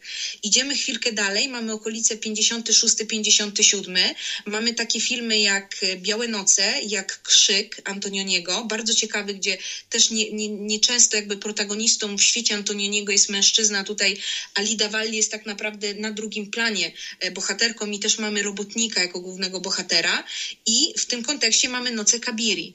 I nagle z tego 57, jeżeli byśmy chcieli zrozumieć, jak właściwie to włoskie imaginarium szybko przeskoczyło w kilka lat, to jest rzecz, która mnie zawsze po prostu, nie mówiąc nawet już od złodziei rowerów, nie mówiąc od zakończenia wojny, ale jeśli porównamy te światy, jeszcze 56, 57, do tego, co mamy w przygodzie, słodkim życiu i Roko jego bracia, gdzie mamy ten wyjazd z prowincji w stronę Mediolanu, przecież marzeń, fabryk i tego i boomu ekonomicznego, symbolu, miasta symbolu, miasta fetyszu boomu ekonomicznego, no to po ich filmografiach we trójkę ciągle idąc, one te drogi się już w pewnym momencie bardzo mocno rozjadą, ale w tych latach tutaj jest niesamowita korespondencja jakby różnych motywów, a wiadome jest, że pracowali osobno, bo oni nigdy się nie tytułowali jakimś jednym wspólnym ruchem, a jest tyle ciekawych podobieństw. Bardzo ciekawie się jakby to trójkowo układa w kontekście właśnie tej wielkiej trójki. Właśnie pomogłaś mi coś e, zrozumieć i, i naprawdę jestem Ci wdzięczny, bo nigdy tak o tym nie myślałem, ale rzeczywiście te trajektorie karier właśnie Antonioniego, Viscontiego, Feliniego i to, jak drastycznie się zmienia ta twórczość na przestrzeni właśnie tych, tej dekady w zasadzie, to jest nieprawdopodobny też taki no, świadectwo tego, jak same Włochy się zmieniły i jak dynamicznie się zmieniała ta kultura e, lat 50., 60., bo też tak sobie myślę i zaraz wrócimy stricte do mm, Słodkiego Życia, ale myślę sobie, że przecież te trzy filmy, które dostały Złote Palmy, czyli właśnie e, Słodkie Życie, e, Lampart i Powiększenie, być może teraz troszkę przesadzę i coś nagnę za bardzo, ale przecież, że one wszystkie mają w centrum dosyć podobnego protagonistę, mianowicie kogoś, kto przygląda się radykalnej zmianie, no bo Marcello obserwuje ten bardzo zmieniający się Rzym, e, książę w Lamparcie, w Lamparcie też przygląda się śmierci swojego świata, prawda, śmierci tego świata arystokratycznego i tak naprawdę obserwuje nowe, rodzące się Włochy. I przecież Tomasz, fotograf w E, w e, powiększeniu też ogląda ten nowy Londyn, prawda? Ten e, swingujący, absolutnie rewolucyjny i oni wszyscy są takimi obserwatorami. No, dość powiedzieć, że i Tomasz i Marcello są powiedzmy dziennikarzami łamane przez fotografami, prawda? To wszystko się bardzo łączy, więc zmierzam do tego, że to pokazuje świat w stanie ogromnej, ogromnej zmiany. No ale przyznasz, Fellini był pierwszy, który to chyba tak zauważył. No to, to bez wątpienia, bo e, też mamy, i to też zostało przez Ciebie świetnie nakreślone, e, te różne teraz powraca bardzo często w kontekście Feliniego, teraz z okazji tego stulecia non-stop, że nad pewnymi filmami, twórcami często ciąży taka metafora duch Feliniego i to się stało synonimem e, surrealizmu filmowego, gdzieś tam czasami ktoś to łączy z groteską, ale gdyby zastanowić się nad mitem Federica Feliniego i to tak naprawdę gdzieś tam wydaje mi się, że e, ta twórczość, którą najmocniej z nim kojarzymy, czyli już Słodkie Życie, 8,5, jasne, są filmy, które są bardzo formalistycznie, gdzieś tam e, manierystyczne wręcz bym powiedziała, ale gdybyśmy się zastanowili, ja bym miała, czym dla mnie jest Fellini, to jest to napięcie pomiędzy tym, co realne, tym, co jest w rzeczywistości i tym potem, jak on to jakoś to tworzy w swojej wielkiej wizji jako gdzieś amalgamat tego, jakby zwierciadło, ale zarazem gdzieś odpowiedź do tej rzeczywistości. Jak jedno się ciekawie karmiło ze sobą, taka podwójna gra luster, że to u Feliniego jakby niesamowite i w słodkim życiu e, to zostało zarysowane przez ciebie. Ja na przykład to upatruję też w początku 8,5. Bardzo często ta, ten incipit filmowy duszącego się Marcella Mastroianniego w tych e, samochodach, później ten jego odlot z tego samochodu, to pierwsze skojarzenie to jest oczywiście artysta, który pragnie wolności i gdzieś e, e, no, cały czas przecież jest trzymany przez te ziemskie sprawy i to jest, to jest trzy minuty, a opowiadają właściwie ideę, clue filmu. Mhm. Ale gdyby zastanowić się na przykład nad tym nadmiarem konsumpcji, nadmiarem pragnienia tego Rzymu, tych Włoch lat 60., te korki, które są pokazane, gdybyśmy zeszli do takiego poziomu zero, poziomu rzeczywistości, to automatycznie w tych różnych metaforach Feliniego odbija się bardzo świadoma i krytyczna refleksja dotycząca jego rodaków. By nikt jak Fellini potrafił łączyć to, co jego prywatne, z jakąś taką refleksją dotyczącą w ogóle włoskiej kultury, takich bardzo wysokich tonów wręcz tej włoskiej kultury i jakoś tak, tak razem tworząc jakiś taki bank obrazów, z którego właściwie Włosi i pewne wyobrażenie włoskości korzysta na dobre i na złe aż do dzisiaj. Bo trzeba spojrzeć też na to, że jesteśmy w momencie powstania Słodkiego Życia, to jest 59, 60, tak jakbyśmy to łączyli, no to jesteśmy 100 lat po zjednoczeniu Włoch rozumianym jako takie bardzo papierkowe zjednoczenie. To jest taki też moment, kiedy Włosi gdzieś tam przeglądają się z powrotem po dwóch wojnach, różnych perypetiach historycznych, jakby swojej tożsamości. I to jest bardzo ciekawe, że w latach 60. potrafiły powstawać nowe książki, bardzo często też pisane tak na poły właśnie włosko-amerykańsko. Ja sprawdziłam na przykład takie nazwisko Luigi Bardini Jr., on, e, e, Junior, przepraszam, napisał w 1964 roku taką, e, taki bestseller Włosi. I gdzieś ta z powrotem wraca przy Fellinim szczególnie taka refleksja, co to by miało być to Italian way of life, czy w ogóle Italian style, które potem jest dodawane nagminnie i z pewną perfidią też producentów i dystrybutorów, jako lepszy produkt eksportowy jakby jest coś niesamowitego w tym, że Fellini łapie swój kraj na gorąco i próbuje jakoś tak go opisać w ramach tej socjety i to potem staje się też gdzieś na dobre i złe takim wizerunkiem naddanym i takim stereotypem e, gdzieś tam, że ci wszyscy, prawda, Vitelloni włącznie z Fellinim tutaj i Mastrianim na czele, jakieś takie e, inklinacje do teatralizacji, do spektaklu, do uwodzenia, jakiejś niestabilności emocjonalnej, do tego jakby dojdzie mit Latin Lover, e, możemy to jeszcze z jakimś takim brakiem porządku i praworządności, bo oczywiście jakby takie, może nie bezpośrednio o słodkim życiu, ale przecież te e echa mafijne, jakby lata 60. Też, też jest ten moment, kiedy z powrotem jest refleksja wokół tożsamości narodowej i niewątpliwie kino ma niesamowitą dużą moc, żeby spróbować jakby na nowo jakby pomóc wykreować, że to, co włoskie będzie się kojarzyło z glamour wokół Marcello Mastrianim, z uśmiechem Sophie Loren, z Via Veneto i tak dalej, i tak dalej. Mm -hmm, to jest mm -hmm. dosyć ciekawy moment historycznie w ogóle, wydaje mi się. Mm -hmm. Świetne są te tropy e, na gorąco po prostu myślę o tym, co mówisz, bo ostatni tydzień trochę spędziłem właśnie w świecie e, słodkiego życia, no po prostu oglądając ten film ponownie i e, myśląc o nim. I tak sobie mm, myślę, że dwie, dwie refleksje mi się nasuwają. Po pierwsze, to, co świetnie uchwyciłaś, czyli właśnie to, jakby ta krytyka społeczna, której ja do tej pory tak aż bardzo nie czułem, ale właśnie jakby krytyka Feliniego wobec swoich własnych rodaków za tą taką może trochę przaśność. Tak myślę o tej scenie, kiedy Anita Ekberg, czyli Sylwia, e, przylatuje, prawda, na lotnisko i jest witana jakimś narodowym daniem. To jest chyba pizza, tak? Czy coś, coś takiego. E, I, I oni tam podkreślają, prawda, że proszę spróbować naszego e, narodowego dania, a jednocześnie jeden z paparazzich mówi do Marcello, tak to przynajmniej było przetłumaczone w moich napisach angielskich, patrzy na tą Anitę i mówi, no niezły kawał mięsa, coś takiego. Nie wiem, jak to było w oryginale, ale no takie na zasadzie, że to wszystko jest strasznie takie wulgarne po prostu, takie bardzo prostackie na jakimś poziomie. No, bo to by się wiązało, gdybyśmy mogli jakoś tak nawet cofnąć się do w ogóle opisywania y, jakichś w ogóle tożsamości włoskiej narodowej. To jest bardzo ciekawe, jak wraca w ogóle Fellini do jakiegoś takiego spojrzenia przełomu wieków na zasadzie nawet XVIII-XIX w pewnym sensie. To jest, to jest bardzo ciekawe, że wtedy to był taki moment na zasadzie różnych Grand Tour do Włoch i Stendhal przecież był i Goethe był.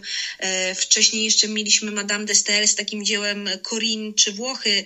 E, to, to, to jest nawet XIX wiek bym bardziej powiedziała. I teraz to jest ciekawe, że w tym wszystkim upatruje się i wręcz się tak pisało w 1807 roku, że y, jakby we Włoszech mężczyźni są najsłabszym ogniwem i ten kraj jakby jest leży w gruzach, bo z powodu zawsze mężczyzn. Ja teraz rozwinę, o co mi z tym chodzi. Wręcz nawet wypisałam sobie ta, taki cytat. We Włoszech mężczyźni znaczą mniej niż kobiety, bo mają wady i swoje i te kobiece.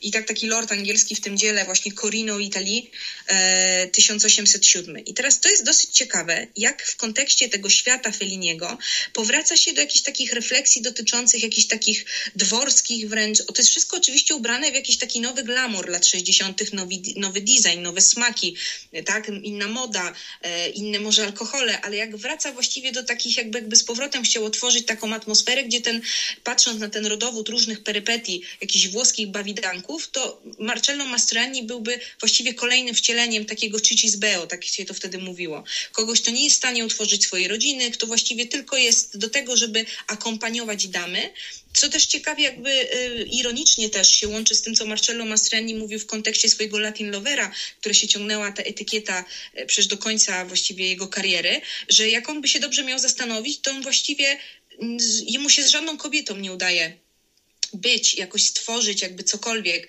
e, w słodkim życiu, do tego stopnia, że jeżeli potraktujemy Rzym, czyli po włosku la città, Roma, jako też coś, co ma taką, taki vibe kobiecy, to jemu z miastem też się nie udaje.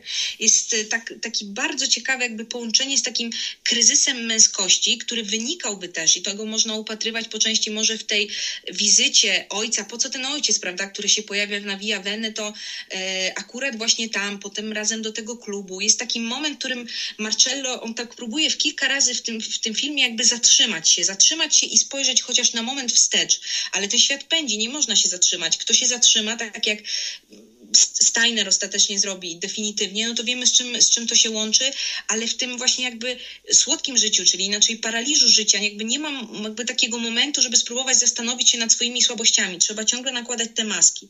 Jedna z tych masek właśnie byłaby związana być może z jakimś takim echem wręcz, który by powracał do e, faszyzmu. Takie są też interpretacje, po co ten ojciec. I to jest dosyć ciekawe, że przy tej wielkiej faszystowskiej apoteozie męskości, to wszystko, co przyszło po II wojnie światowej, a już 15 lat po w słodkim życiu, pokazuje naprawdę bardzo taki zmęczony mit gladiatora, takiej impotencji wręcz gladiatora.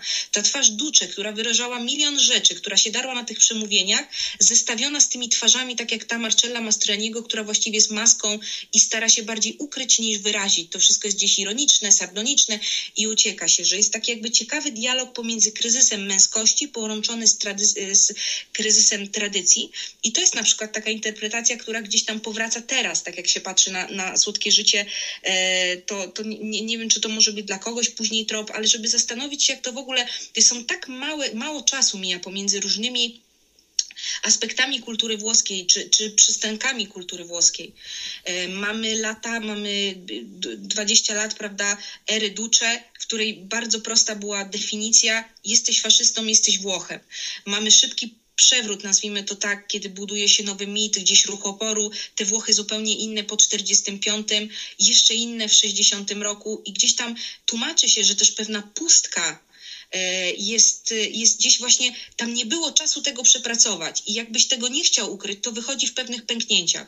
I, i gdzieś że to, to, to, to jakby to też pulsuje takie kamuflowanie tej przeszłości, tego kryzysu, e, to, to coś, co już, już tak kończąc, jeśli zastanowimy się nad karierą Marcella Mastraniego po słodkim życiu, to jest bardzo dużo arcyciekawych ról, ale jeżeli chodzi o jego włoskie podwórko, to jest bardzo ciekawe, że on nigdy po słodkim życiu, a to już też byśmy mogli powiedzieć o jakiejś właśnie męskości w kryzysie, męskości na pokaz, gdzieś tam właśnie nad tym tutaj z jednej strony to galizmo, tak jak Włosi mówią, takie to podrywanie tych kobiet, takie bardzo chamskie, tak jak ty to powiedziałeś, z drugiej strony mamizmo, czyli te ciągoty, żeby być ciągle z mamą, ciągle bezpiecznie, takich bohaterów też mamy w kinie tamtych lat, czy w ogóle do kina współczesnego dochodząc.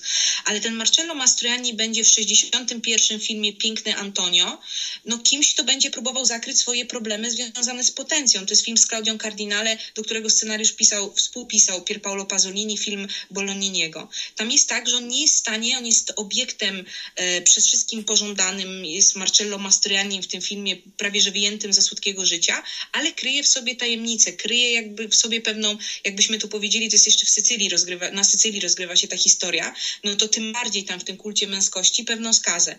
E, w komedii Casanowa 70 Maria Monicellego e, będzie grał człowieka związanego z armią, dowódcę, teraz już nie wiem jakiego stopnia, już mi, przepraszam, jeśli tak generała nazwijmy to, to może tak, który będzie tylko w stanie wtedy się podniecić i zaspokoić kobietę, jeśli będą strzały za oknem albo inne niebezpieczeństwo. Jakieś takie mhm. dziwne echo wojny, jest coś takiego z nim, jeśli tak naprawdę rozwód po włosku, też jest po części gdzieś tam jedną opowieścią znów o kryzysie i o tym, że trzeba jakby nie da rady się uwolnić, trzeba, jeśli nie zamorduje się własnej żony, jakby to wręcz mhm, ten kryzys mhm. jeszcze ze zbrodnią. Dużo jest bardzo hmm. e, ról, z którymi on, on grał i to wydaje mi się, że, jest nie, że to nie jest przypadek, jakby taka opowieść gdzieś między wierszami, która łączy w sobie to, co Fellini właśnie robił najciekawiej, czyli łączył e, to, co, to, co kojarzymy najgłębiej z włoską kulturą, od Dantego, właśnie nawet po takie opowieści e, z XIX wieku, dworskie i, i jak on to kombinuje w tej nowej rzeczywistości, z której i czerpie z niej bardzo mocno. To jest to, co ty mówiłeś, ludzie rozpoznawali się w perypetiach słodkiego życia, znali te pierwsze strony czy któreś tam gazet, a z drugiej strony jest w Fellinim taka refleksja ogólnonarodowa, która tworzy mity, obala mity, dialoguje z tymi mitami. To jest bardzo gdzieś głęboko osadzone. Mhm. E, ba bardzo to jest ciekawe. Ja też myślę sobie o tym. Film w ogóle piękny Antonio od lat chcę zobaczyć, bo e, to był jeden z ulubionych włoskich filmów e, Pauline Kael, mojej ukochanej krytyczki. Tylko nigdy mi się go nie udało obejrzeć, ale może, może go w końcu gdzieś znajdę. Natomiast dwie, dwie rzeczy. Po pierwsze, to myśl... jaki trzeba prezent zrobić po prostu. A, to, to bardzo, bardzo jestem tego filmu ciekaw. Natomiast dwie rzeczy przyszły mi do głowy. Po pierwsze, że jakby Fellini nikogo nie rozgrzesza, to znaczy nie rozgrzesza także, myślę, Marcella w tym filmie z tej takiej jednak bardzo powierzchniowej, naskórkowej, powierzchownej wiedzy E, czy nawet takiego właśnie powierzchownego zakorzenienia w kulturze włoskiej. Dlatego, że z jednej strony, no Marcello jest pokazany jako ktoś, kto ma jakąś intelektualną ambicję, prawda? On chciałby napisać jakąś ważną książkę. Steiner mu nawet wypomina, prawda, że kiedy będzie w końcu ta, ta twoja książka. Z drugiej strony, Marcello, ja nie wiem, czy ta postać ma jakąś ogromną taką no, intelektualną wiedzę w tym filmie. Tam jest taki moment, kiedy Anita Ekberg, czyli Sylwia, e, wchodzi, prawda, po wieży um, w Bazylice Świętego Piotra i pyta, e, a jaka jest wysoka ta wieża? A on mówi, a bardzo, bardzo wysoka. Tak jakby on nie wie, on nie zna odpowiedzi na to pytanie tej turystki, prawda? Powinien oprowadzać po Rzymie i powiedzieć, no tak, ta wieża słynie z tego i tego. A on tak naprawdę tych rzeczy chyba też nie wie i myślę, że dla mnie też jest istotne to i tutaj bardzo chciałbym Cię zapytać o Twoją interpretację e, postaci tej Pauli, czyli tej dziewczynki, dziewczynki w zasadzie trzeba powiedzieć, którą widzimy na końcu, bo ona z jednej strony na końcu jest przedstawiona jako ten rodzaj anioła, prawda? Właściwie zbawienie tak, tkwi, mhm. tak, tkwi w jej, w jej uśmiechu, tak? Jej niewinny uśmiech w stronę kamery to jest jedyna nadzieja dla tego świata. Ale z drugiej strony to jest też po prostu młoda dziewczyna z prowincji, zasłuchana w tą piosenkę Patricia, tak, która tam się pojawia, taką bardzo popularną piosenkę tamtego czasu. No, czy rzeczywiście, jak ty czytasz tą postać, że, że, ta, że ta dziewczyna z prowincji, która po prostu słucha, no powiedzmy tak, disco polo, tak, na, na dzisiejsze, y, to, to czy tam właśnie w niej jest ta nadzieja? Jak czytasz tą postać? No, tylko może yy, i myślę, że też, też jakby zauważysz link, że ogólnie intelektualiści w sieci Feliniego naprawdę źle kończą. To jest krytyk z 8,5, to jest Leopoldo z Wałkoni, który szczęścia nie odnajduje. E, to jest y, ileś tam postaci, które zawsze, akurat ci intelektualiści, intelektualiści, to może to też jest akurat z Marcello powiązane, na swój sposób jest bezpieczny, nieszczęśliwy, ale, ale bezpieczny. -hmm. Jak to brzmi bardzo nowocześnie. Trzymajmy się tego. A co do, e, co do naszej anioła, tak, umbryjskiego, tak jak to Waleria, no to ja miałam, pamiętam jak oglądałam i myślę, że jest coś takiego pięknego w Fellini, to są te pierwsze jakby, jakieś takie pierwsze wspomnienie, które Fellini może wywołać i jakieś obrazy, które ze sobą e, zatrzymujesz. Ja zawsze jak jest e, ta scena ich tego, no takiego spojrzenia, e, jakby wymiany spojrzeń i tego, że przecież oni tak jakby, no właśnie nawiązują kontakt, ale no, no nie, nie jakoś tak, ja widziałam zawsze w tym taki element, że jakby jakaś, pierwszy raz jak, jak ten, że no tak, ale jeszcze jest przecież e, jeszcze jest tam ta, nadzieja, tak jakby jest, jest, jest, jest coś czystego w tym, tym świecie, chociaż ono jest tak naprawdę na, na peryferiach tego świata. E, I teraz zawsze mnie ciekawiło, co by się mogło stać z tą dziewczynką, bo w ogóle patrząc na to, ile jest bohaterów dziecięcych, ale to już jest też dziewczynka w takim wieku, to, to też jakby to nie jest Bruno ze Złodziei Rowerów, ale na przykład zawsze miałam taką myśl e, i, i, to, i to w sumie gdzieś tam się przerzuciło na Walerię. Ja miałam zawsze takie, co, co, co Bruno, po tym jak zobaczył tak naprawdę możliwie największe upokorzenie dla figury, z którą był związany złodziejach rowerów, rowerów jaki on by, jakim on by był człowiekiem w tym Rzym, jakby Rzymie, czy w ogóle w tej Italii jakby doby boomu ekonomicznego. Czy on zrobiłby wszystko, żeby nie być swoim ojcem i żeby to i stałby się właśnie kimś, kim, kim kimś jak, jak z tego słodkiego życia. Jakby zawsze zastanawiałam się nad tymi ikonicznymi, kim oni mogliby być. Taką miałam, nie wiem, taki mój fetysz, zastanawiam się nad takimi rzeczami. I przeprowadziłam takie małe śledztwo, bo zawsze widziałam w niej, upatrywałam, że to jest taka świętość słodkiego życia, czyli gdzieś w tym, kiedy mamy przecież też cały czas ten kult maryjny podszyty, mamy przecież ten cud gdzieś tam, no, że prawdziwym cudem w tym świecie to jest ta dziewczynka, że to, to jest La Madonna, tak? Jakby to, ja to tak zawsze łączyłam.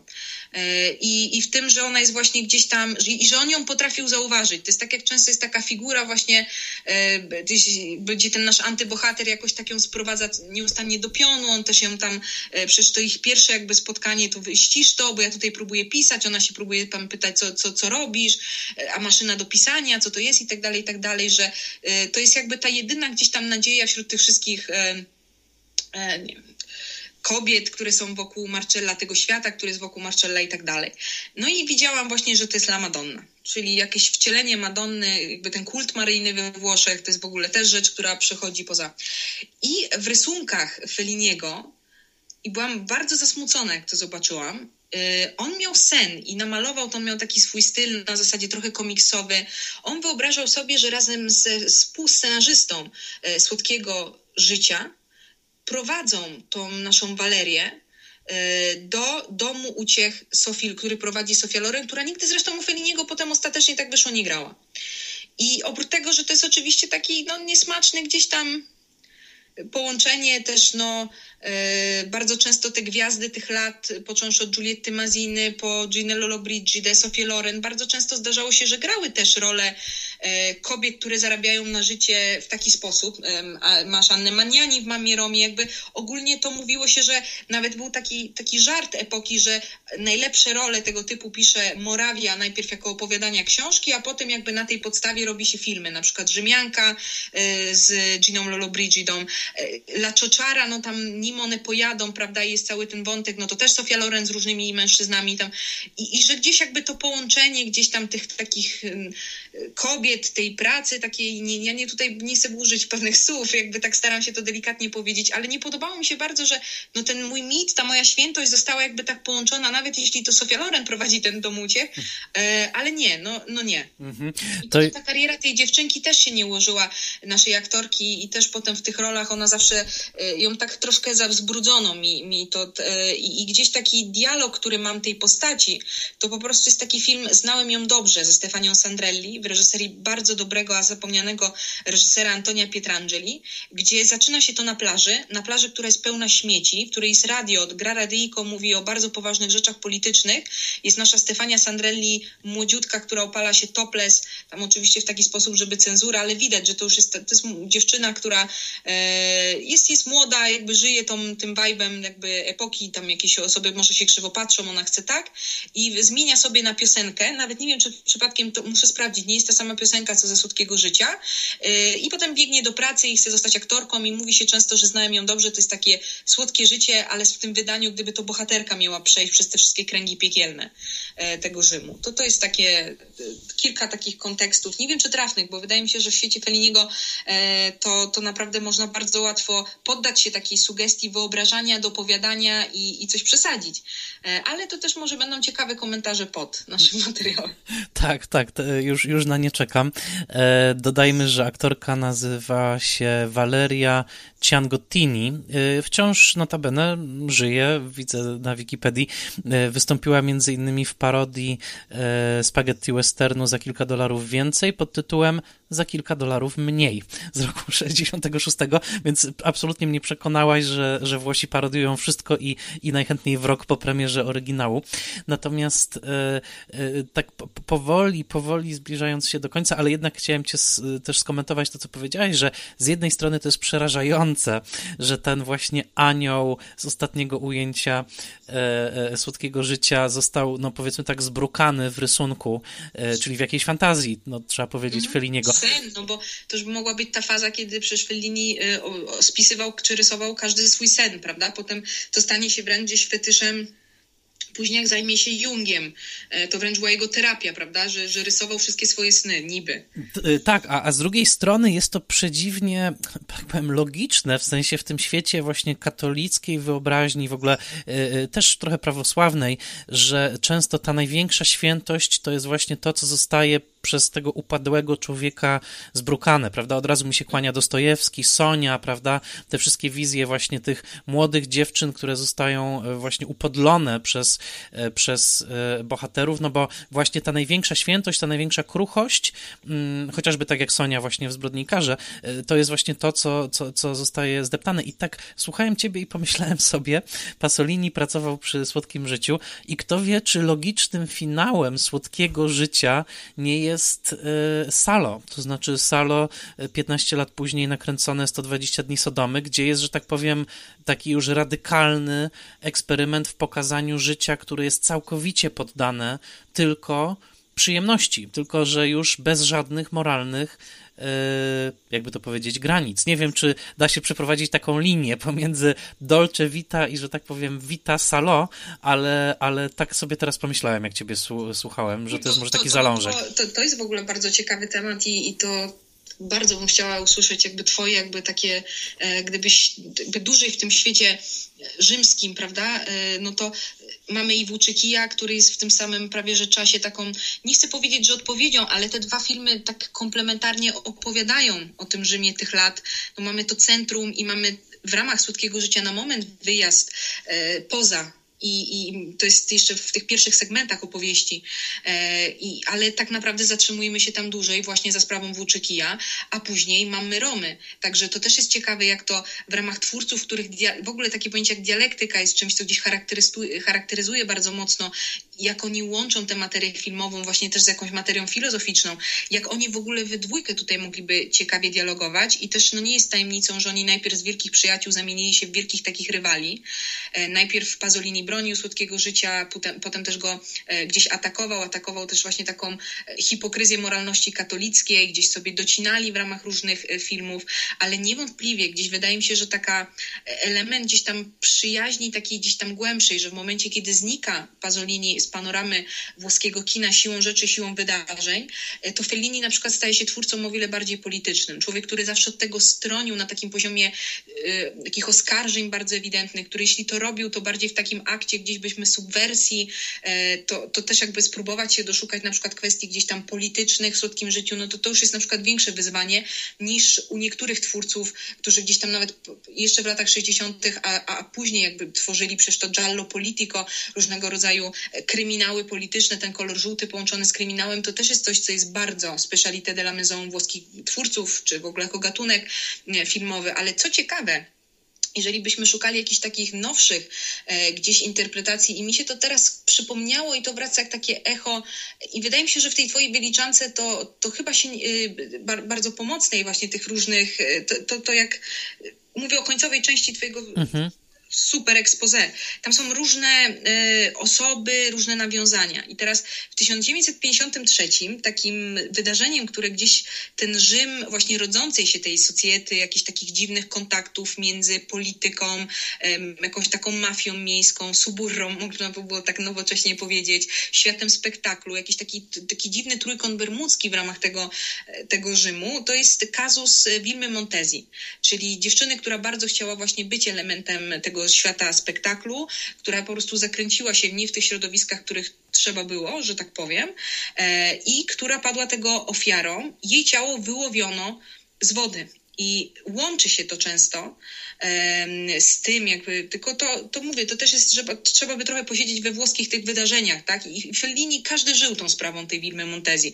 Kto ją ostatni raz widział, kto, to, kto się z nią przyjaźnił, kto ją zostawił samą, już nie mówiąc, kto to zrobił tak ostatecznie, prawda? Bo to taki, taki kazus e, bardzo mroczny e, włoskiej jakby kroniki wydarzeń tych lat, że ten, ten, ten stwór morski, który, ta kreatura, która się wyłania e, z wody, zwróćcie uwagę, jak on oni też na nią reagują w taki sposób. E, to, to jest ta, ta mieszanka różnych emocji, można by powiedzieć. I teraz. Mamy taki doklejony trochę finał do słodkiego życia, bo jeśli zwrócimy uwagę, że ta impreza się kończy, no to ona się kończy w takim y, niemalże jak z 8,5, że Marcello Mastrani Wodzirej wylicza różne pary cyrkowo, one coś tam tak, tak tańczą i wychodzą z tej imprezy i jest ranek. I mamy przecież jeszcze ten de facto, de facto finał. I niektórzy upatrują właśnie w, w tym jakby takiego echa na przykład. I tutaj byłby taki trend do sprawy właśnie bardzo mrocznej, związanej z tym światem, która no, naznaczyła ten świat, naznaczyła różne opowieści o tym świecie. Właśnie ten kazus e, Wilmy Montezji i tego, jak ją odnaleziono właśnie jej ciało w wodzie. I to skojarzone z tą czystością naszej Walerii na takiej zasadzie, że to jest bardzo, że to jest jakby jedno po drugim, ona też tam się znikąd pojawia i to jest na zasadzie też by można było połączyć jakby e, w ramach tego świata wywoływania duchów, bo przecież to wywołanie duchów też tam jest, że to, to nie byłoby przypadkowe zestawienie w tym świecie Feliniego i czy to by gdzieś tam nie dialogowało na zasadzie, że trzeba by ochronić na przykład tak, to, to, to piękno tego anioła, tę dobroć i tak dalej. To jako taki, mhm. takie e, gdzieś, gdzieś jeszcze pomyślałam, że, że skojarzenie. Mm, świetny, świetny trop też mi e, nieznany, on mi tylko gdzieś mignął, ale, ale zupełnie nie, nie, nie, nie pojąłem tego, jakie to jest istotne. E, powoli zbliżając się do końca, ale jednak jeszcze wspominając o tym, że tak sobie myślę właśnie o tym martwym potworze morskim na końcu słodkiego życia. Myślę sobie też, że cała ta przemiana kulturowa, no bo tu w zasadzie mamy w zalążku y, kontrkulturę już, prawda? Lata 60., no w końcu Słodkie Życie otwiera niejako lata 60. i one przecież, jak wiemy, będą bardzo mocno szalone i że one też się pewnym sensie skończą wraz z takimi no, bardzo wstrząsającymi śmierciami. Myślę o śmierci Sharon Tate, myślę o śmierci Pasoliniego oczywiście, tak? Jakby takich wręcz symbolicznych wydarzeń, które domkną tę dekadę mm, właśnie pewnego eksperymentu społecznego, pewnego ekscesu, pewnej nowości i, i właściwie do dzisiaj jesteśmy pod wielkim urokiem tych lat 60. i myślę, że też jesteśmy pod wielkim urokiem Słodkiego Życia, bo to jest film e, poza wszystkim innym taki, w który no chciałoby się się wejść do tego świata, chciałoby się przynajmniej posmakować tej słodyczy, może nie, nie zadławić się nią, tak jak bohaterowie, ale jednak no, byłoby fajnie. I, I teraz y, pytanie do ciebie właśnie takie mm, kończące. Jaki jest twój stosunek w ogóle do tego filmu? Czy ty go lubisz? Czy, czy, czy często do niego wracałaś? Jakby jakie jest to twoje słodkie życie właśnie w kontakcie z filmem Feliniego na przestrzeni, na przestrzeni lat? Mhm. Y, to, to może warto tak uporządkować, że akurat, y, akurat Pierpaolo Padolini, no to to już jesteśmy w latach 70. w drugiej połowie i to też w kontekście włoskim jest połączone, to są te dwie śmierci, to jest Aldo Moro, włoski premier Hadeci, a z drugiej strony, prawda, jakby na polu politycznym i kulturalnym to są te dwa wydarzenia dekady ułowiu, które już o sobie, to są te duchy, prawda, jakby włoskiego świata kulturalno-społecznego, e, ale niewątpliwie te lata 60. mają tak złamany status na takiej zasadzie, że zaczynają się jako to piękne volare e, i piosenka, którą prześpiewamy do dzisiaj, e, znamy bardzo dobrze, to jest przecież e, ten, na chwilę przed latami 60. wygrywa Sanremo właśnie z tą piosenką Domenico Modugno, a już pod koniec lat 60. na przykład na tej samej scenie Sanremo piosenkarz Luigi Tenco, który był ukochanym takiej piosenkarki Dalidy, bardzo znanej, popełnia samobójstwo na znak protestu właśnie kontrkulturowo, że on nie będzie się godził na śpiewanie Fiore Amore Cuore. On miał poważną piosenkę, która była protest songiem, źle została przyjęta przez jurorów i się zabił. E, popełnił samobójstwo. Także jest jakby te lata 60. we Włoszech, to pęknięcie, o którym mówi, że to się zaczyna, prawda, jak, jak, jak, jak koktajl gdzieś tam różnych smaków, a, a co się dzieje. Co do mojego stosunku do słodkiego życia, wydaje mi się, że... Przepraszam, że ci jeszcze wejdę w słowo, ale muszę to powiedzieć, że zobacz, że to w sumie w pigułce pokazał Dino Risi w fanfaronie, prawda? Wspaniała przejażdżka zakończona kraksą. Y, w tym, co jest gorączką epoki, czyli w najlepszym możliwie wehikule, który wynika jakby y, z tego właśnie, z tego świata, jakby no nie, to jest, no to jest w ogóle, no to, fanfarum to jest najlepszy film świata, to w ogóle. Ja to, to, to oni będzie oddzielny odcinek w takim ja, razie. Tak, nie, naprawdę, to jest... Y no, to jest po prostu film, ale w ogóle jako, jako twórca Dino Risi to jest... To będzie następny e, w takim razie włoski spoiler master, ale twój, twój stosunek do słodkiego życia mój stosunek do słodkiego życia. Kurczę, o tylu jeszcze rzeczach chciałam powiedzieć, ale już już domykam e, kran, jak to, jak to się mówi. No ja miałam tak, że prowadziłam przez długie lata w Łodzi zajęcia. E, z, to był mój taki fakultet autorski z e, lat 60., ja to nazywałam konstruowanie włoskości e, w kinie powojennego boomu ekonomicznego. No i trzeba, jakby no słodkie życie, no tam było jakby z urzędu. I teraz ilość jakby, bo to, te zajęcia się odbywały raz w semestrze przez 4 lata i przez te 8 semestrów, te różne jakby, przy, jakby z różnymi rocznikami, ja miałam już w pewnym momencie tak, ja myślałam, że to się nigdy nie wydarzy, ale jak po raz kolejny mieliśmy to słodkie życie, to miałam takie, no nie, już tak, że, że szczególnie tą pierwszą godzinę, bo z reguły jakoś tak on przy niej najczęściej, znaczy ta, ta część jeszcze z Anitą Egberg, to jest ta, taka najczęściej gdzieś tam omawiana ze względu na e, też jej taką no, najbardziej rozpoznawalną sekwencję w Fontannie di Trevi i tak dalej, i tak dalej, ale e, du dużo jakby z niej wyciągam e, i w ogóle tak mam z Fellinim. To jest tak jak z tym uśmiechem Giulietty Maziny pod koniec Nocy Kabiri, że w zależności też od jakiego momentu jestem w życiu, ja inaczej patrzę jakby na ten świat ze słodkiego życia. I nie chodzi mi nawet o taką myśl, też Sorrentino ją bardzo często powtarzał, kiedy stworzył jakby swoje Dolce Vita 2.0, czyli La Grande Bellezza, co mówię też tak trochę, bo akurat nie jestem aż taką purystką, żeby... Ja, ja, ja, ja naprawdę bardzo... No, La Grande Bellezza to jest film, który bardzo e, cenię, ale też no było tak, był nazywany tak złośliwie e, ten film, że jakby w tej, w tej... jakby to jest taki świat, w którym no chcielibyśmy chociaż na moment zamieszkać, tak jak ty to wcześniej doskonale powiedziałeś i przypomina mi się fragment tekstu, który udostępniłeś dzisiaj o twojej ulubionej krytyce filmowej, która jako chyba jednak chyba z nielicznych by nie chciała y, tam, tam zamieszkać. Także mam tak, że bardzo często y, jest na przykład to, to spotkanie Marcella z ojcem, który uważam za jedno z najpiękniejszych w ogóle takich momentów, gdzie tam jakby ten, ten poziom jakby takiej chęci, tam się budzi dziecko w tym Marcello, który jakby prosił wręcz ojca o to, ale chodź pójdziemy do kina, on w pewnym momencie do niego mówi i tam w ogóle nie wyjeżdża, jakby, że jakby budzi się za tą fasadą i jest człowiek. I, na, I mam bardzo, jest ten moment, kiedy oni są już w tym klubie, ten ojciec oczywiście się wygłupia e, i tam leje szampana tancerce i wchodzi w pewnym momencie Polidoro yy, i, robi ten yy, występ swój i, i w tym klaunie, jak odnajd- jakby w tym spojrzeniu yy, Marcella z klaunem jakby jest coś takiego, jakby człowiek przypomina sobie bardzo często o tym, że sam potrafi być błaznem. I jakby są takie momenty w słodkim życiu, które w zależności od jakiego momentu jestem w życiu, jak, y, potrafią ze mną korespondować i mnie tak trochę usadzać, y, że tak powiem. I, i to też często w ogóle tyczy się takiej, jeśli bardzo chce, chce, chce się być częścią jakiegoś świata, tak trochę na siłę wręcz.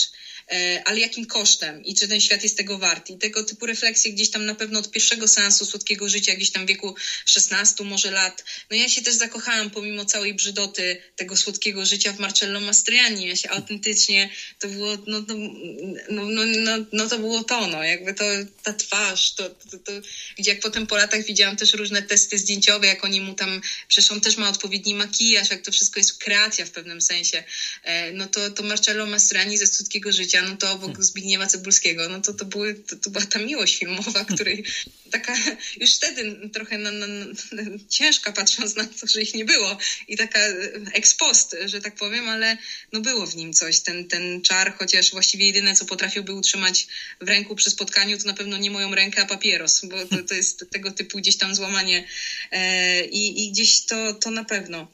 I też e, jestem pod wrażeniem i to też miałam ze studentami często na ten temat rozmowy e, i też kiedyś o tym rozmawiali, kiedyś rozmawialiśmy o tym króciutko, że no jest tej kompozycji niesamowita świeżość. To znaczy sam Fellini, będąc pod wrażeniem tego, co Picasso robił na polu malarstwa, e, gdzieś powtarzał, że chciał tą strukturą scenariuszową, chciał strukturą słodkiego życia zbudować najpierw rzeźbę, pomnik, może nawet walnąć nią o ziemię i spróbować ją poskładać.